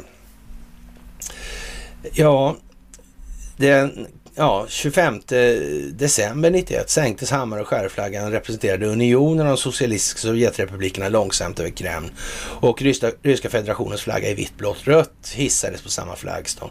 Bytet av flaggor innebar det officiella sönderfallet, nedfallet ska man kanske kalla det för egentligen, av Sovjetunionen som hade funnits i 74 år samt slutet på det 44-åriga kalla kriget. Och ja, Sovjetunionen var ju var naturligtvis. Men det hölls inga ceremonier i Moskva den natten, bara de tråkiga klockorna från Spasskaja Tower från andra sidan Kreml. Samtidigt på andra sidan Stilla havet proklamerade amerikanerna internationellt hur de hade besegrat Sovjetunionen och vunnit det kalla kriget. Det har gått 31 år sedan denna period i historien och flera stora förändringar har skett. Ja, det kan man ju säga i världsordningen och internationella mönster. Dessa har dock inte skingrat USAs arrogans och hänförts till titeln vinnare av det kalla kriget och dess övertro till slutsatsen historiens skapare. I början av 2000-talet, tredje decennium, ja, kan människor bevittna hur amerikanska politiker fortfarande ser på varje land som anses vara ett hot mot kalla kriget genom det kalla krigets lins. Det är fortfarande angeläget om att inte hetsa, om att hetsa till är fortfarande angelägna om att hetsa alltså, till ideologisk fientlighet och slåss mot sina egna imaginära fiender, vilket gör att mörkrets kalla krigets mål nästan omöjliggörs. Det kalla krigets skugga har spridit sig från Washington till Peking och Moskva. Ja, från att sönderfalla Sovjetunionen till att utforma den ukrainska fällan steg för steg med avsikten att uppnå det strategiska målet. Det har alltid handlat om att nypa åt Ryssland och komma åt då de strategiska naturresurserna som Ryssland besitter. Exploatera det där. Och metoden och, och det kan man ju säga så här då, ja, men det kan man ju, om man är för då den typen av handel, merkantilism och de här grejerna, då kan man ju säga det att jag, fine liksom. Men, men Problemet är ju det här att det är ju en part som vill kontrollera det här och den är inte ute efter att få någon konkurrens. Det innebär att det som kommer hända i Ryssland, det är att det kommer att bli härska genom söndring som styr och kontrollmetod. Mm. Och det kommer bli ett jävla väsen för att allt värre ska kunna bli allt rikare på allt fler människors bekostnad. Helt enkelt. Det kommer bli socialpsykologiskt obekvämt för människor. Det är inget lämpligt alltså. Det är någonting dåligt. Jaha, och eh, NATO är en defensiv allians som aldrig strävade efter Rysslands undergång, sa underlivsporslinet som försvarade NATOs expansion österut i tal han höll i Warszawa den 26 mars, men blundade in för inte en tum österut, löftet som NATO gav på 1990-talet alltså. Och eh, ja, vad ska vi säga? Någonstans en fysisk död av Ryssland är nästan omöjlig. Icke desto mindre har det USA-ledda NATO försökt eliminera Ryssland under de senaste decennierna i olika aspekter, inklusive politiskt, ekonomiskt, kulturellt och ideologiskt, för att fortsätta dela och försvaga eller splittra och försvaga Ryssland, noterade observatörer. Och det här är ju liksom, det är en perfekt artikel på det viset alltså. Det har inte Ja, det finns inte så mycket att säga egentligen.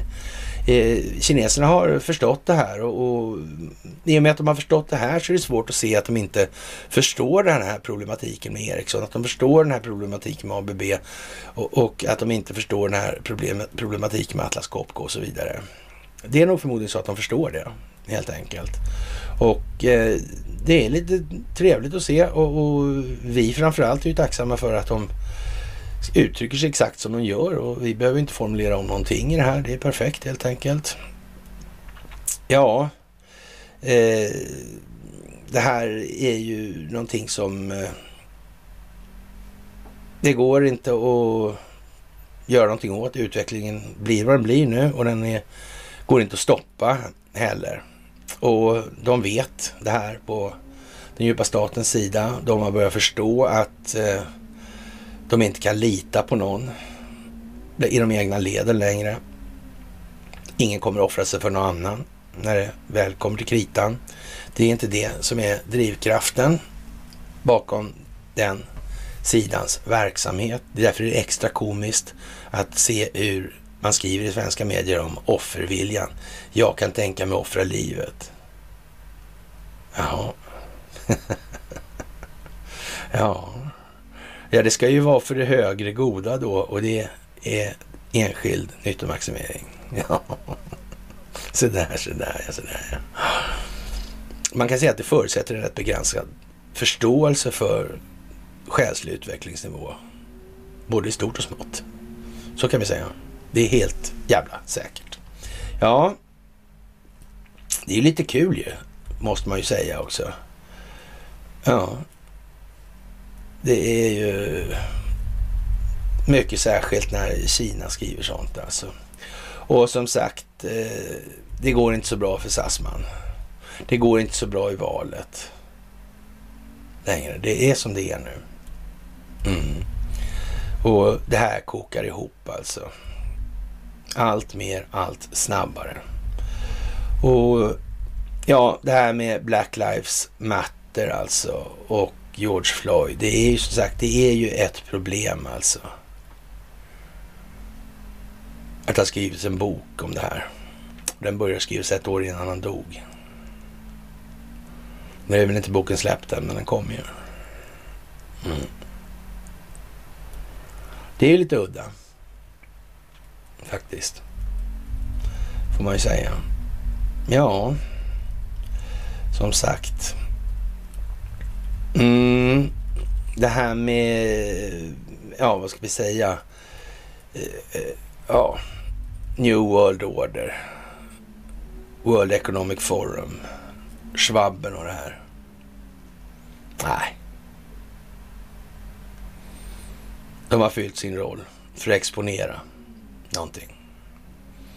Men nu, ja men om det var så mäktigt, varför skickar man inte ner Schwabben då till Ukraina och säger nu gör vi så här? Nej, därför att det går inte. Och Zelensky. Är inte han lite väl tokig i överkant va? Kan man nästan tycka. Är det rent av så att alltså bataljonen inte gillar honom ordentligt? Kan det vara så? Ja, jag vet inte. Det får man nog fundera lite på i så fall. Ja, Sverige går med i projekt om nästa pansarterrängbil där och det är det gamla vanliga Patria Hägglund. Så det här det är ju, ja, det ser ut som det ska vara flera stycken men i själva verket så behöver de banker och de behöver tillgång till andra system också. Så, och det är kommunikationssystem och så vidare och ja, vilka det kan vara då ja. Mm. Det är bara vad det är helt enkelt. Ja, som sagt det här med BRICS då till exempel. Vad, vad, vad, är det för någonting alltså? Är det någonting som kommer gynna den djupa staten? Nej, det kommer det inte att göra. Den kommer att splittras i den meningen nu. Och eh, den kommer att splittras snabbt alltså. Det här med svenska bjuds in för att övervaka ryska val hyllar systemet då. Det tog vi upp häromdagen. Men de här svenskarna är ju liksom inga djupa staten-kritiker de uttrycks lite hovsamt. Det är inga bankkritiker heller. Det är inga kritiker av det militärindustriella komplexet. Det är inte några kritiker av underrättelsetjänstkollektivet. Varför inte? Blir det inte skuldmättat? Är inte underrättelsetjänstkollektivet ett verktyg för den djupa staten? Mm. Finns den djupa staten? Ja. Och så vidare. Mm. Det här är konstigt. Är det en global företeelse? Ja. Finns globalismen? Ja. De här människorna är ju ofta nationalister, de här senaste valövervakargänget där. Alltså. Säger de ja. Mm. Men de är inte mot globalismen. Nej. Är globalismen nationalister? Nej, det är de inte. De är internationalister. Det är därför det är globalismen är internationell. Är det här svårt? Nej, det är det inte. Det är uppenbart. Optiken är klar. Varför funderar folk ens på det där? Det, det är ju som någon skickade till mig idag. Alltså där man, hade de tagit upp det här med att man skulle ta hem, på Swab-TV, Swab-TV där. Har de tagit upp det här då med att man skulle ta hem de här biokemforskarna och de här labben då?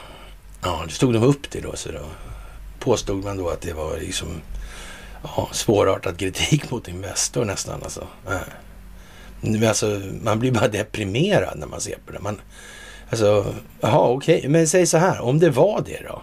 Om man säger så här, det, vi kan uh, säga att de har, nu har de bytt fot eller vad. Men då undrar vän av ordning, vad, vad då byta? För vad har ni gjort tidigare? Varför har ni gjort som ni har gjort? Varför har ni inte tagit upp någonting av det här tidigare för? Det spelar ju ingen roll. Det finns inget, om man snackar om en, de är nationalister då till exempel, säger de ju. Jaha. Jag menar, jag menar om halva gänget jobbar på Investor eller Investorföretag, vad fan liksom. Och ändå har de inte märkt något. Ja, vad kan det vara för något skäl till att man inte har så att säga, angripit det som hela jävla jorden står och tittar på nu? Vad beror det på? Det har inte med egen nytta att göra. Nej, nej, inte alls. Lite. Ljusår. Ja, men typ. Faktiskt. Jaha, och eh, dansk försvarsminister avslöjade amerikansk internetövervakning kan få kåken då för det här 12 bast också. Det handlar ju om att amerikanerna har upplåt eller säga, danskarna har upplåtit systemet då, växlarna hos sig då, för att avlyssna svenskar. Ja, ja. Fan vad konstigt. Mm, vad kan det ha varit för syfte med det? Varför vill man veta vad svenska politiker sysslade med och pratade om? Svenska politiker som faktiskt trodde att de befann sig på säkra linor. Och att de som lyssnade på de här linorna var med dem. Så var det tydligen inte hela tiden. Nej, vad konstigt. Men den svenska personalen på horhuset är inte stacklad nu. Eller är den det? Ja, ja. En bra stund alltså. Advokat åtalad för att ha hjälpt till att plantera bevis i mordutredning där det inte handlar om svenska rättssystemet naturligtvis. Mm. Men vad händer nu då? Så här att om eh, amerikanska operatörer lägger sig i det här med det svenska rättssystemet som tydligen är någonting angeläget, eller i alla fall var någonting angeläget för den nationella säkerhetsrådgivaren Robert Ryan. Om de pysslar med stingoperationer på svensk mark och kanske Sverige har medverkat i saker som ja, anses utgöra angrepp på den amerikanska konstitutionen. Sverige och svenska intressen. Mm. Ja, det handlar ju om det svenska rättssystemet och då kanske det är som det är. Mm. Det kanske inte bara är svensk rätt som ska tillämpas i vad som kommer. Så kan det ju också vara. Verkar inte stressad på advokatbänkarna. Ja, jag tycker nog det. Lite grann. Lite sådär lätt. Ja, och det här med Elon Musk är som sagt ett intressant kapitel nu som börjar. Och det kommer att bli vad det ska. Exakt kommer det att bli. Och de har planerat det, det är också säkert. Kinderäggen till påsk är fulla med, eller så här, det är kopplat till möjligt salmonellautbrott här. Och frågan är ju den här jävla etylenoxiden som färdas runt i tankvagn på svenska järnvägen. Vart tar all den vägen egentligen? Mm. Konsistensgivare säger de, kan man säga. Det blir svamp i hjärnan mer eller mindre. Ja, eller svampiga hjärnor. Som sagt alltså. Och ja, vad ska vi säga? Utrikesministerns besked. Vi Sverige utvisar ryska diplomater. Ja, vad ska vi säga om det? Mm. Måste göra någonting nu. Egentligen så kan vi konstatera att nu rör sig bara politikerna i trådarna. De har inget frispel alls eller slack i kopplet. Inte det minsta. Det är också så här. Vi slår ett slag för våra, de här eh, deepstate.se och där Best Kept Secret of the Deep State, den här lilla serien går, episod 3 hade premiär igår och väldigt trevligt faktiskt. Mycket trevligt och lättförståeligt, inte som min svada hela tiden. Men som sagt, min roll är inte att hålla på med den här lättbegripliga grejen, utan vi måste spetsas det här också. Det måste gå framåt och där är vi som ta, ta, travar på helt enkelt i ullstrumporna. Det är ju lite sådär, äh, ja, så måste det vara. Gotland tappade strömmen igår av någon anledning. Undrar om det lades om någonting, kanske transmissionsväg. Kan det vara så? Det finns ju hårdvara, eller mjukvara förlåt, som ja, hålls av någon som heter Durham. Fast inte åklagare i Durham. Mm. Kan det vara någonting med saken att göra, tro? Det här med, ja, jag vet inte. Ja, ja, ja. Hur den där dirigeras trafiken hade det med att göra. Ja, precis. Som sagt, det här med eh, Karl Gerhard. Det är viktigt. Det är viktigt. Och faktiskt, jag ja, gläds åt att flera av er finner nöje i att lyssna på de här och faktiskt tänka på vad fan är det karln sjunger för något egentligen.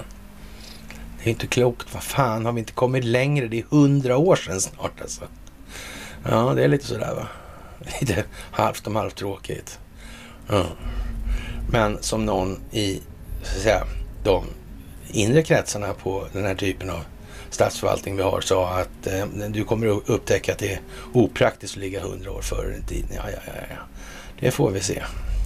Nu står vi där vi står alltså.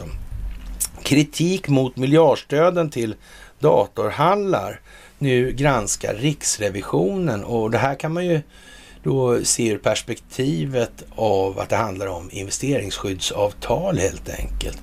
Och Microsoft och andra datajättar lockas i Sverige med fossilfri energi för att bygga sin gröna image. Serverhallsbolaget har fått investeringsskydd och hittills över en miljard kronor i elskatterabatter men tycks inte ge de här tusentals jobb som utlovas.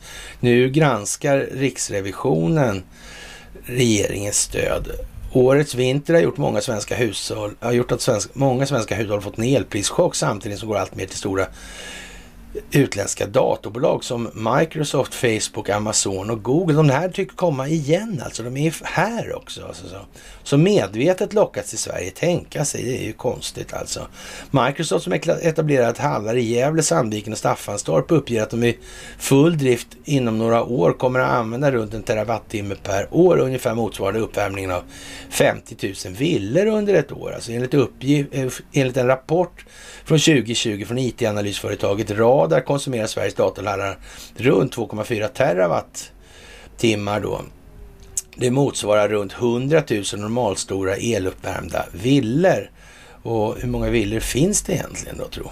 Ja, Rapporten spår en snabb utveckling, en fördubbling till år 2025, vilket kräver el motsvarande en halv kärnreaktor fram till år 2050 spår Energimyndigheten en ökning i elkonsumtion från serverhallar på mellan 500 och 600 procent. Trenden drivs främst av de amerikanska datorjättarnas serverhallar. Vad finns det så många här för? Är inte det konstigt? Har inte vi någon FRA-lag där? Ja, jag vet inte om det där spelar någon roll kanske. En viktig faktor för att locka dem till Sverige är tillgången på fossilfri energi alltså. Jaha. Ja, ja, halvstatliga Business Sweden. Eh, ja, lockar då bolag så här. En hållbar plats för ert datacenter Sverige där varje klick är grönt. Ja, man tror ju inte sina ögon, men så är det faktiskt. Så illa. Microsoft Sverige undersöker ett pressmeddelande när hallarna invigdes i fjol. Våra svenska datacenter är bland de mest hållbart designade i världen, vilket gör att det här är en mycket viktig lansering för Sverige och för Europa. Hans Werner, vd för Radar, säger så här. Ju större del av energin som de stora dataföretagen förbrukar i Sverige, desto mer kan de framställa sig som ren industri. Det är inbyggt i affärsmodellen. Det ligger absolut i farans riktning att mycket av det som produceras här kommer att gå på export alltså.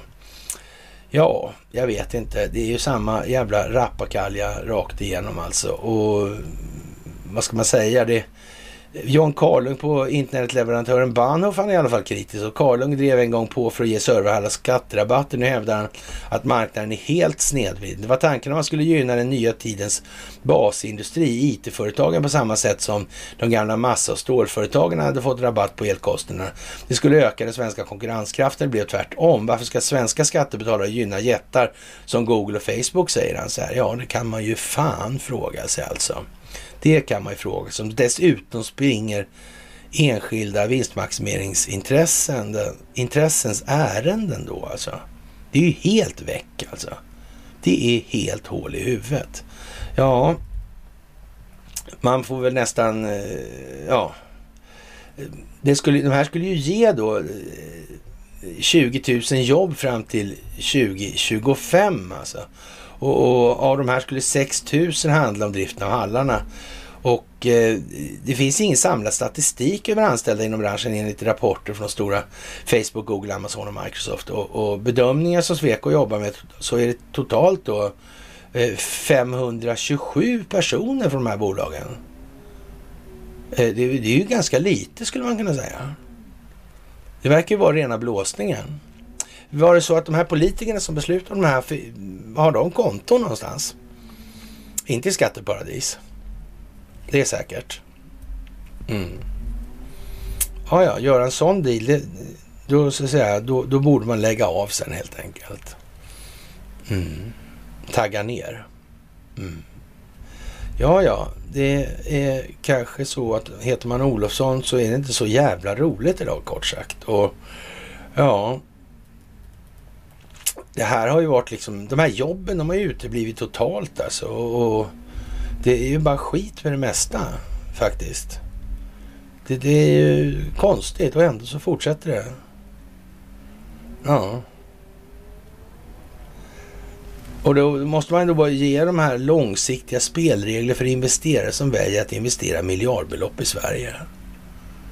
Ja, det är investeringsskyddsavtal alltså. Mm. Ja, men om...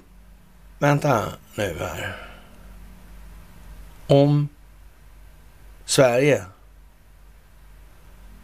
vinner över Huawei. Då kan man säga dra åt helvete till investeringsskyddsavtalens effektivitet. Och det innebär naturligtvis att 184 länder kommer kicka ut Ericsson. Men, men bortsett från det så är det ju faktiskt en annan grej som uppstår också. Ja. De står ju redan här servrarna och de klarar sig fan inte utan dem. Och det blir jävligt dyrt för dem. Och, mm. Men eh, ett förstatligande kanske? Vem vet? Kanske någon har tänkt på det där. Det vet inte jag. Nästan. Inte. Ja, ja. Jaha, och eh, som sagt 4,8 miljarder på, eller miljoner poströster i USA. Det är ju vad man kan säga hyfsat organiserat då. Och, och det här med vad har de här människorna gjort under tiden. Och nu visar det sig att de är ju liksom pinpointade ordentligt också här. De här har haft telefonerna avlyssnade hela tiden av någon anledning. Men det var inte planerat det här alltså, inte alls. Mm. För det var naturligtvis helt verkligen, verkligen kända människor som ägnade sig åt den här typen av obskyr verksamhet nattetid.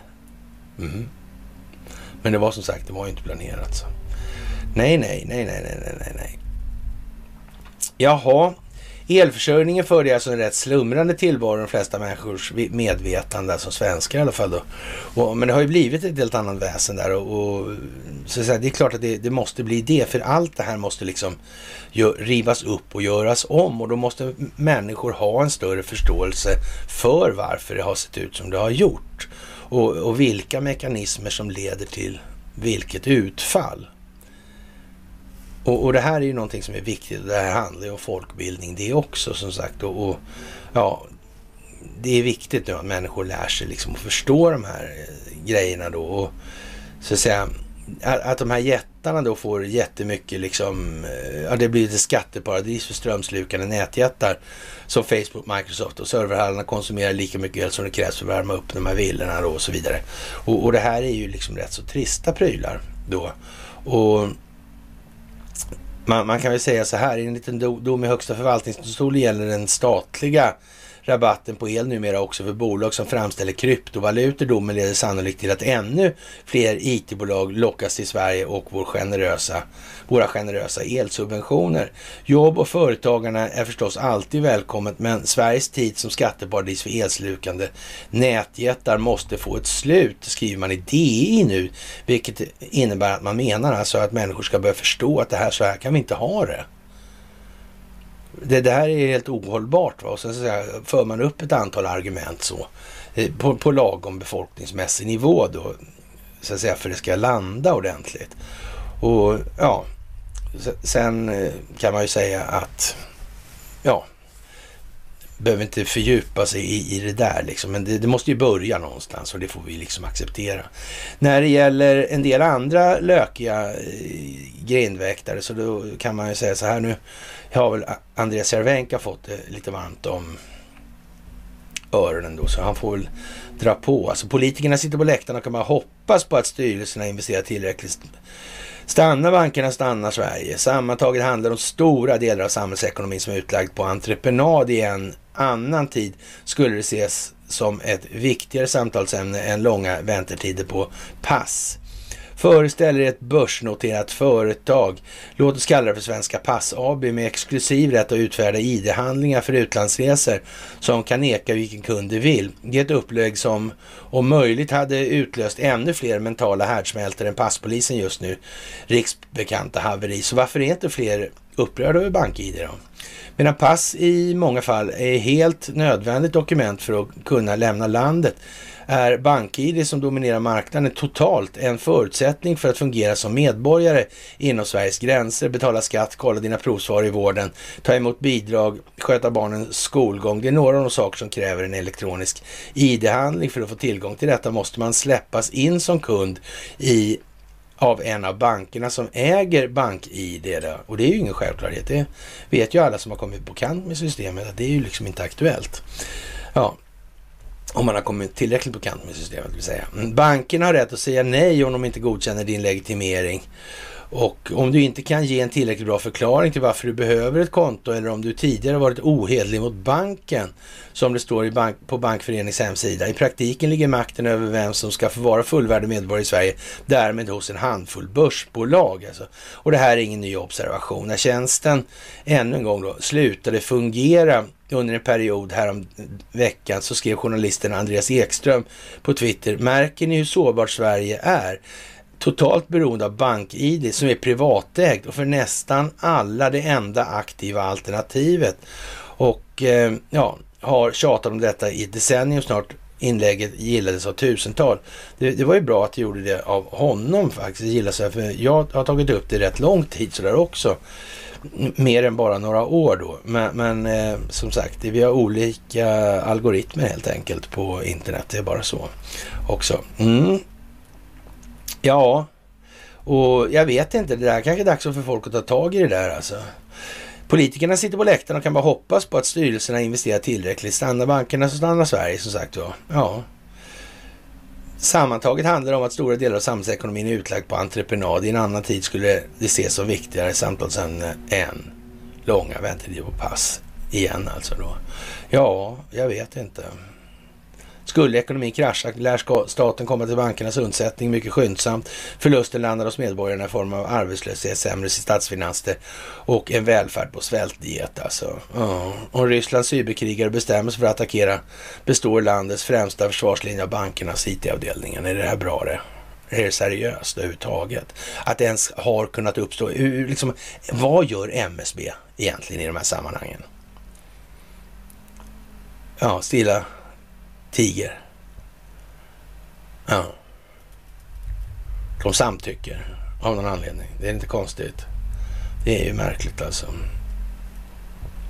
Ja, trist historia alltså. Men det här med investeringsskyddsavtal är också en bra historia och det är sagt allting kokar ihop. Det konvergerar. Det kommer att bli bra, men det är mycket som ska liksom på plats i sinnet hos många människor. Och vi är på en väldigt god väg och ni gör ett fantastiskt arbete i det här. Det är viktigt att poängtera det gång efter annan alltså. Som en blixt från klar himmel då, då den här Torjeby, alltså Johan Torjeby, det här är ju lite special ändå alltså det, låter en det råder fortfarande en intellektuellt klädsam tystnad från många håll. Egen nytta är vad det är då. Men eh, så finns det väl en skamgräns för att uppvisa självförakt kanske möjligen, jag vet inte. SEBs vd Johan Torgeby tycker att svenska företag nu bör vara beredda på att ta ställning till med affärer i Indien och Kina i spåren av ländernas närmande till Ryssland. En förändrad syn på aktiemarknaden skulle vara ett dråpslag mot en annan av Investors kronjuveler, Atlas Copco, som vi tog upp tidigare där. Att eh, Johan Torgeby, vd för familjen Wallenbergs husbank, lyfter frågan på ett så tydligt sätt bör orsaka huvudbry hos de andra direktörerna i Investorsfären. Uppmaningen får en helt annan dignitet än det om den skulle kommit utifrån då. Att tvingas välja bort affärer i Indien och Kina skulle få mycket större konsekvenser än de ryska sanktionerna. Ett tydligt exempel på detta är verksamheten Atlas Copco, Investors viktigaste innehav på börsen. Kina utgjorde i fjol hela 23 procent av Atlas Copcos omsättning på, det, på nästan 111 miljarder kronor. Motsvarande siffra siffra för Indien var 3,5 procent. Båda länderna växte dessutom med en bit över 20 procent, ungefär dubbelt så mycket som koncernen i övrigt. Då. Aktiemarknadens syn på framtiden i framförallt Kina är alltså av högsta vikt. Alltså. Atlas Copco anses vara den klarast lysande stjärnan på den svenska verkstadshimlen och har också belönats med en relativt hög värdering. En aktie handlas nästan till 27 gånger årets förväntade vinst enligt Bloomberg, vilket kan jämföras med en median kring PE 18 bland jämförbara, alltså vinsten då sådär i förhållande till tillgången då sådär. Skulle aktiemarknaden ja, börja värdera intäkterna i Kina och Indien på ett helt annat sätt så blir det ett dråpslag för Atlas Copco. Kina har varit en tillväxtmotor och börjar, börjar den här hacka då skulle synen på aktien förändras radikalt. Alltså värdegapet i sektorn är stort där fulverkstad som SKF handlas till exempel. Och eh, ja, ett P på P-tal då på 9 på årets förväntade vinst. Och jag vet inte vad man ska säga om det här. Det är ju, så att säga, man krattar manegen helt enkelt. Primar heter det då. Mm. Det gör man och eh, ja, vad som komma skall alltså. VD, styrelser och ägare och andra intressenter i bolag med verksamhet i Kina och Indien bör rimligen ta efter Johan Torgeby bör fundera på hur de ska hantera situationen. EU ställ, EU ställ, ett ställningstagande likt det många bolag gör i Ryssland kommer att bli en kostsam historia på en helt annan nivå. Det kan man ju säga. Så det är liksom inget snack om vad det flaggas för här nu. Det är bara så alltså. Och eh, ja, i, i eh, Tyskland gjorde man ju ett fräscht grepp på ämnet också sådär att Tyskland har tagit ägandet av en lokal gren av Rysslands statliga energijätte Gazprom. Och, och, ja, Berlins energitillsynsmyndighet kommer tillfälligt kontrollera företaget trots att de tidigare insisterat på att ett sådant drag skulle vara olagligt. Och ja, jag vet inte om, om det går liksom att, att, att göra så mycket bättre alltså. Ja, de gör det alltså på grund av det här med Tänkte de sig att gas, gasen kommer från de här eh, lokalkontoren då eller? Det är inte så att ryssarna kan stänga av någonting där i andra ändan? Nej, jag vet inte. Det kan ju vara så. Mm. Konstigt det där att de inte tänkte på det. Kanske de gjorde det. Jag vet inte. Jaha. Ja, det där är ju... Ja, Cervenka finns en till i Aftonbladet där eh, om svenska girigheten och, och, vi kanske ska bespara honom mer utvikningar sådär i det här. Det, kan, det behövs ju inte sådär. Ja, helt enkelt.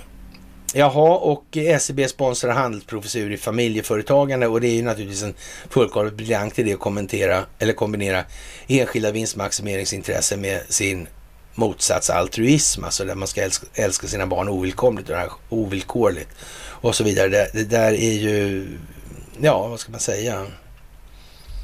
Efterblivenheten är ju inkarnerad i det här, det måste man säga, intellektuellt alltså. Eller moraliskt kanske vi ska säga. Det där är bara för vad det är kort sagt. Och ja, det är ju så dumt så det liknar ingenting. Och kefiren kommer tillbaka. Det är ju bra faktiskt. Och, och, det kommer att bli en klar förändring i många sammanhang och inte minst då det här med när folk börjar fatta då att svenska företag förser Putin med atomvapen i Aftonbladet alltså. Mm. Och då tar det inte så lång tid faktiskt innan det här går till sig.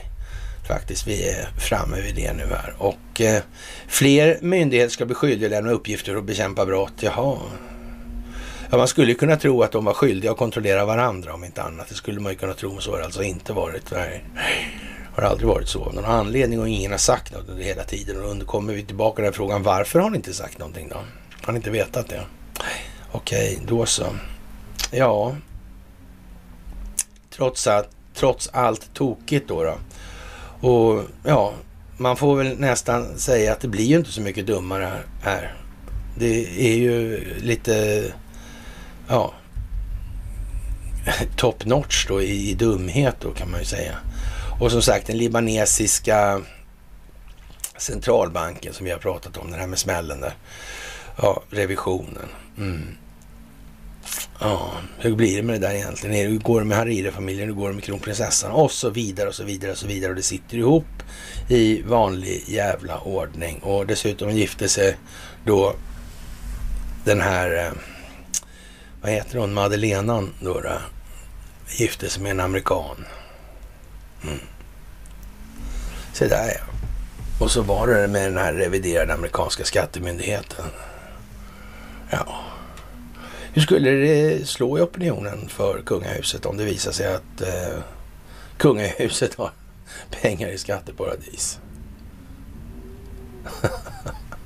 skulle det inte vara snyggt liksom? Han sitter och stoppar socialbidragen i skatteparadis för att slippa beskatta. Nej, men vore inte det gulligt? Ja, nu säger jag inte att det är så, men principiellt så ser det ut som att det skulle kunna vara så faktiskt. Vi får hoppas att moralen inte är hur tappad som helst. Kontakterna med Hariri-familjen, ja, verkar inte direkt motsätta sig det resonemanget om vi säger som så. Ja, faktiskt. Och som sagt, eh, det har ju varit lite sådär eh, speciellt det här när man då blir tvungna att erkänna en massa saker i Washington Post och New York Times. Och nu ser redan där svenska medier ut som jävla idioter. Och det är som, de som anför det här fortsätter att, så att säga, stå på sig i det här. Vad ser de ut som? Ja, som det är helt enkelt. Helt otroligt dumt. Ja, vi ska väl nämna kanske att eh, Orban blev omvald kanske. Det är ju vad det är. Och vi ska nämna att det är fantastiskt bra att ni tittar på föreläsningarna. Det är en väldigt viktig del i allt det här och det är därför den här föreläsningsserien finns och växer hela tiden. Och så har vi sådana här små käcka småfilmer då, då. Som, ja, ska vi säga, som anslag för folk som kanske inte har satt sig in i det här särskilt mycket. De här föreläsningarna, de är ju så att säga en förutsättning för att kunna följa de här mysen på det här sättet som vi diskuterar nyheter och analyserar nyheter. Och, och, det är ju klart att stora delar av befolkningen är ju inte liksom riktigt på den banan ännu. Men det är ingenting som hindrar oss från att göra det vi gör, för vi måste göra det vi gör. Precis som talibanerna i Afghanistan förbjuder opiumodling och eh, sätter P för narkodollarn till stora delar i och med det. Ja. Hur som helst, ni ska ha det allra största av tack, precis som vanligt. Ni är fantastiska och som sagt, ny turné börjar vi planera och ni är hjärtligt välkomna att delta som arrangörer och så vidare. Och eh, som sagt, det här är piglördag och i övermorgon så är det fredag och då är det förhoppningsvis ett fredagsmys. Och eh, ja, som sagt, vi har ju en dramatik som saknar motstycke i människans historia. Och ni är jordens bästa internetpublik. Med det, tack för idag så hörs vi senast på fredag.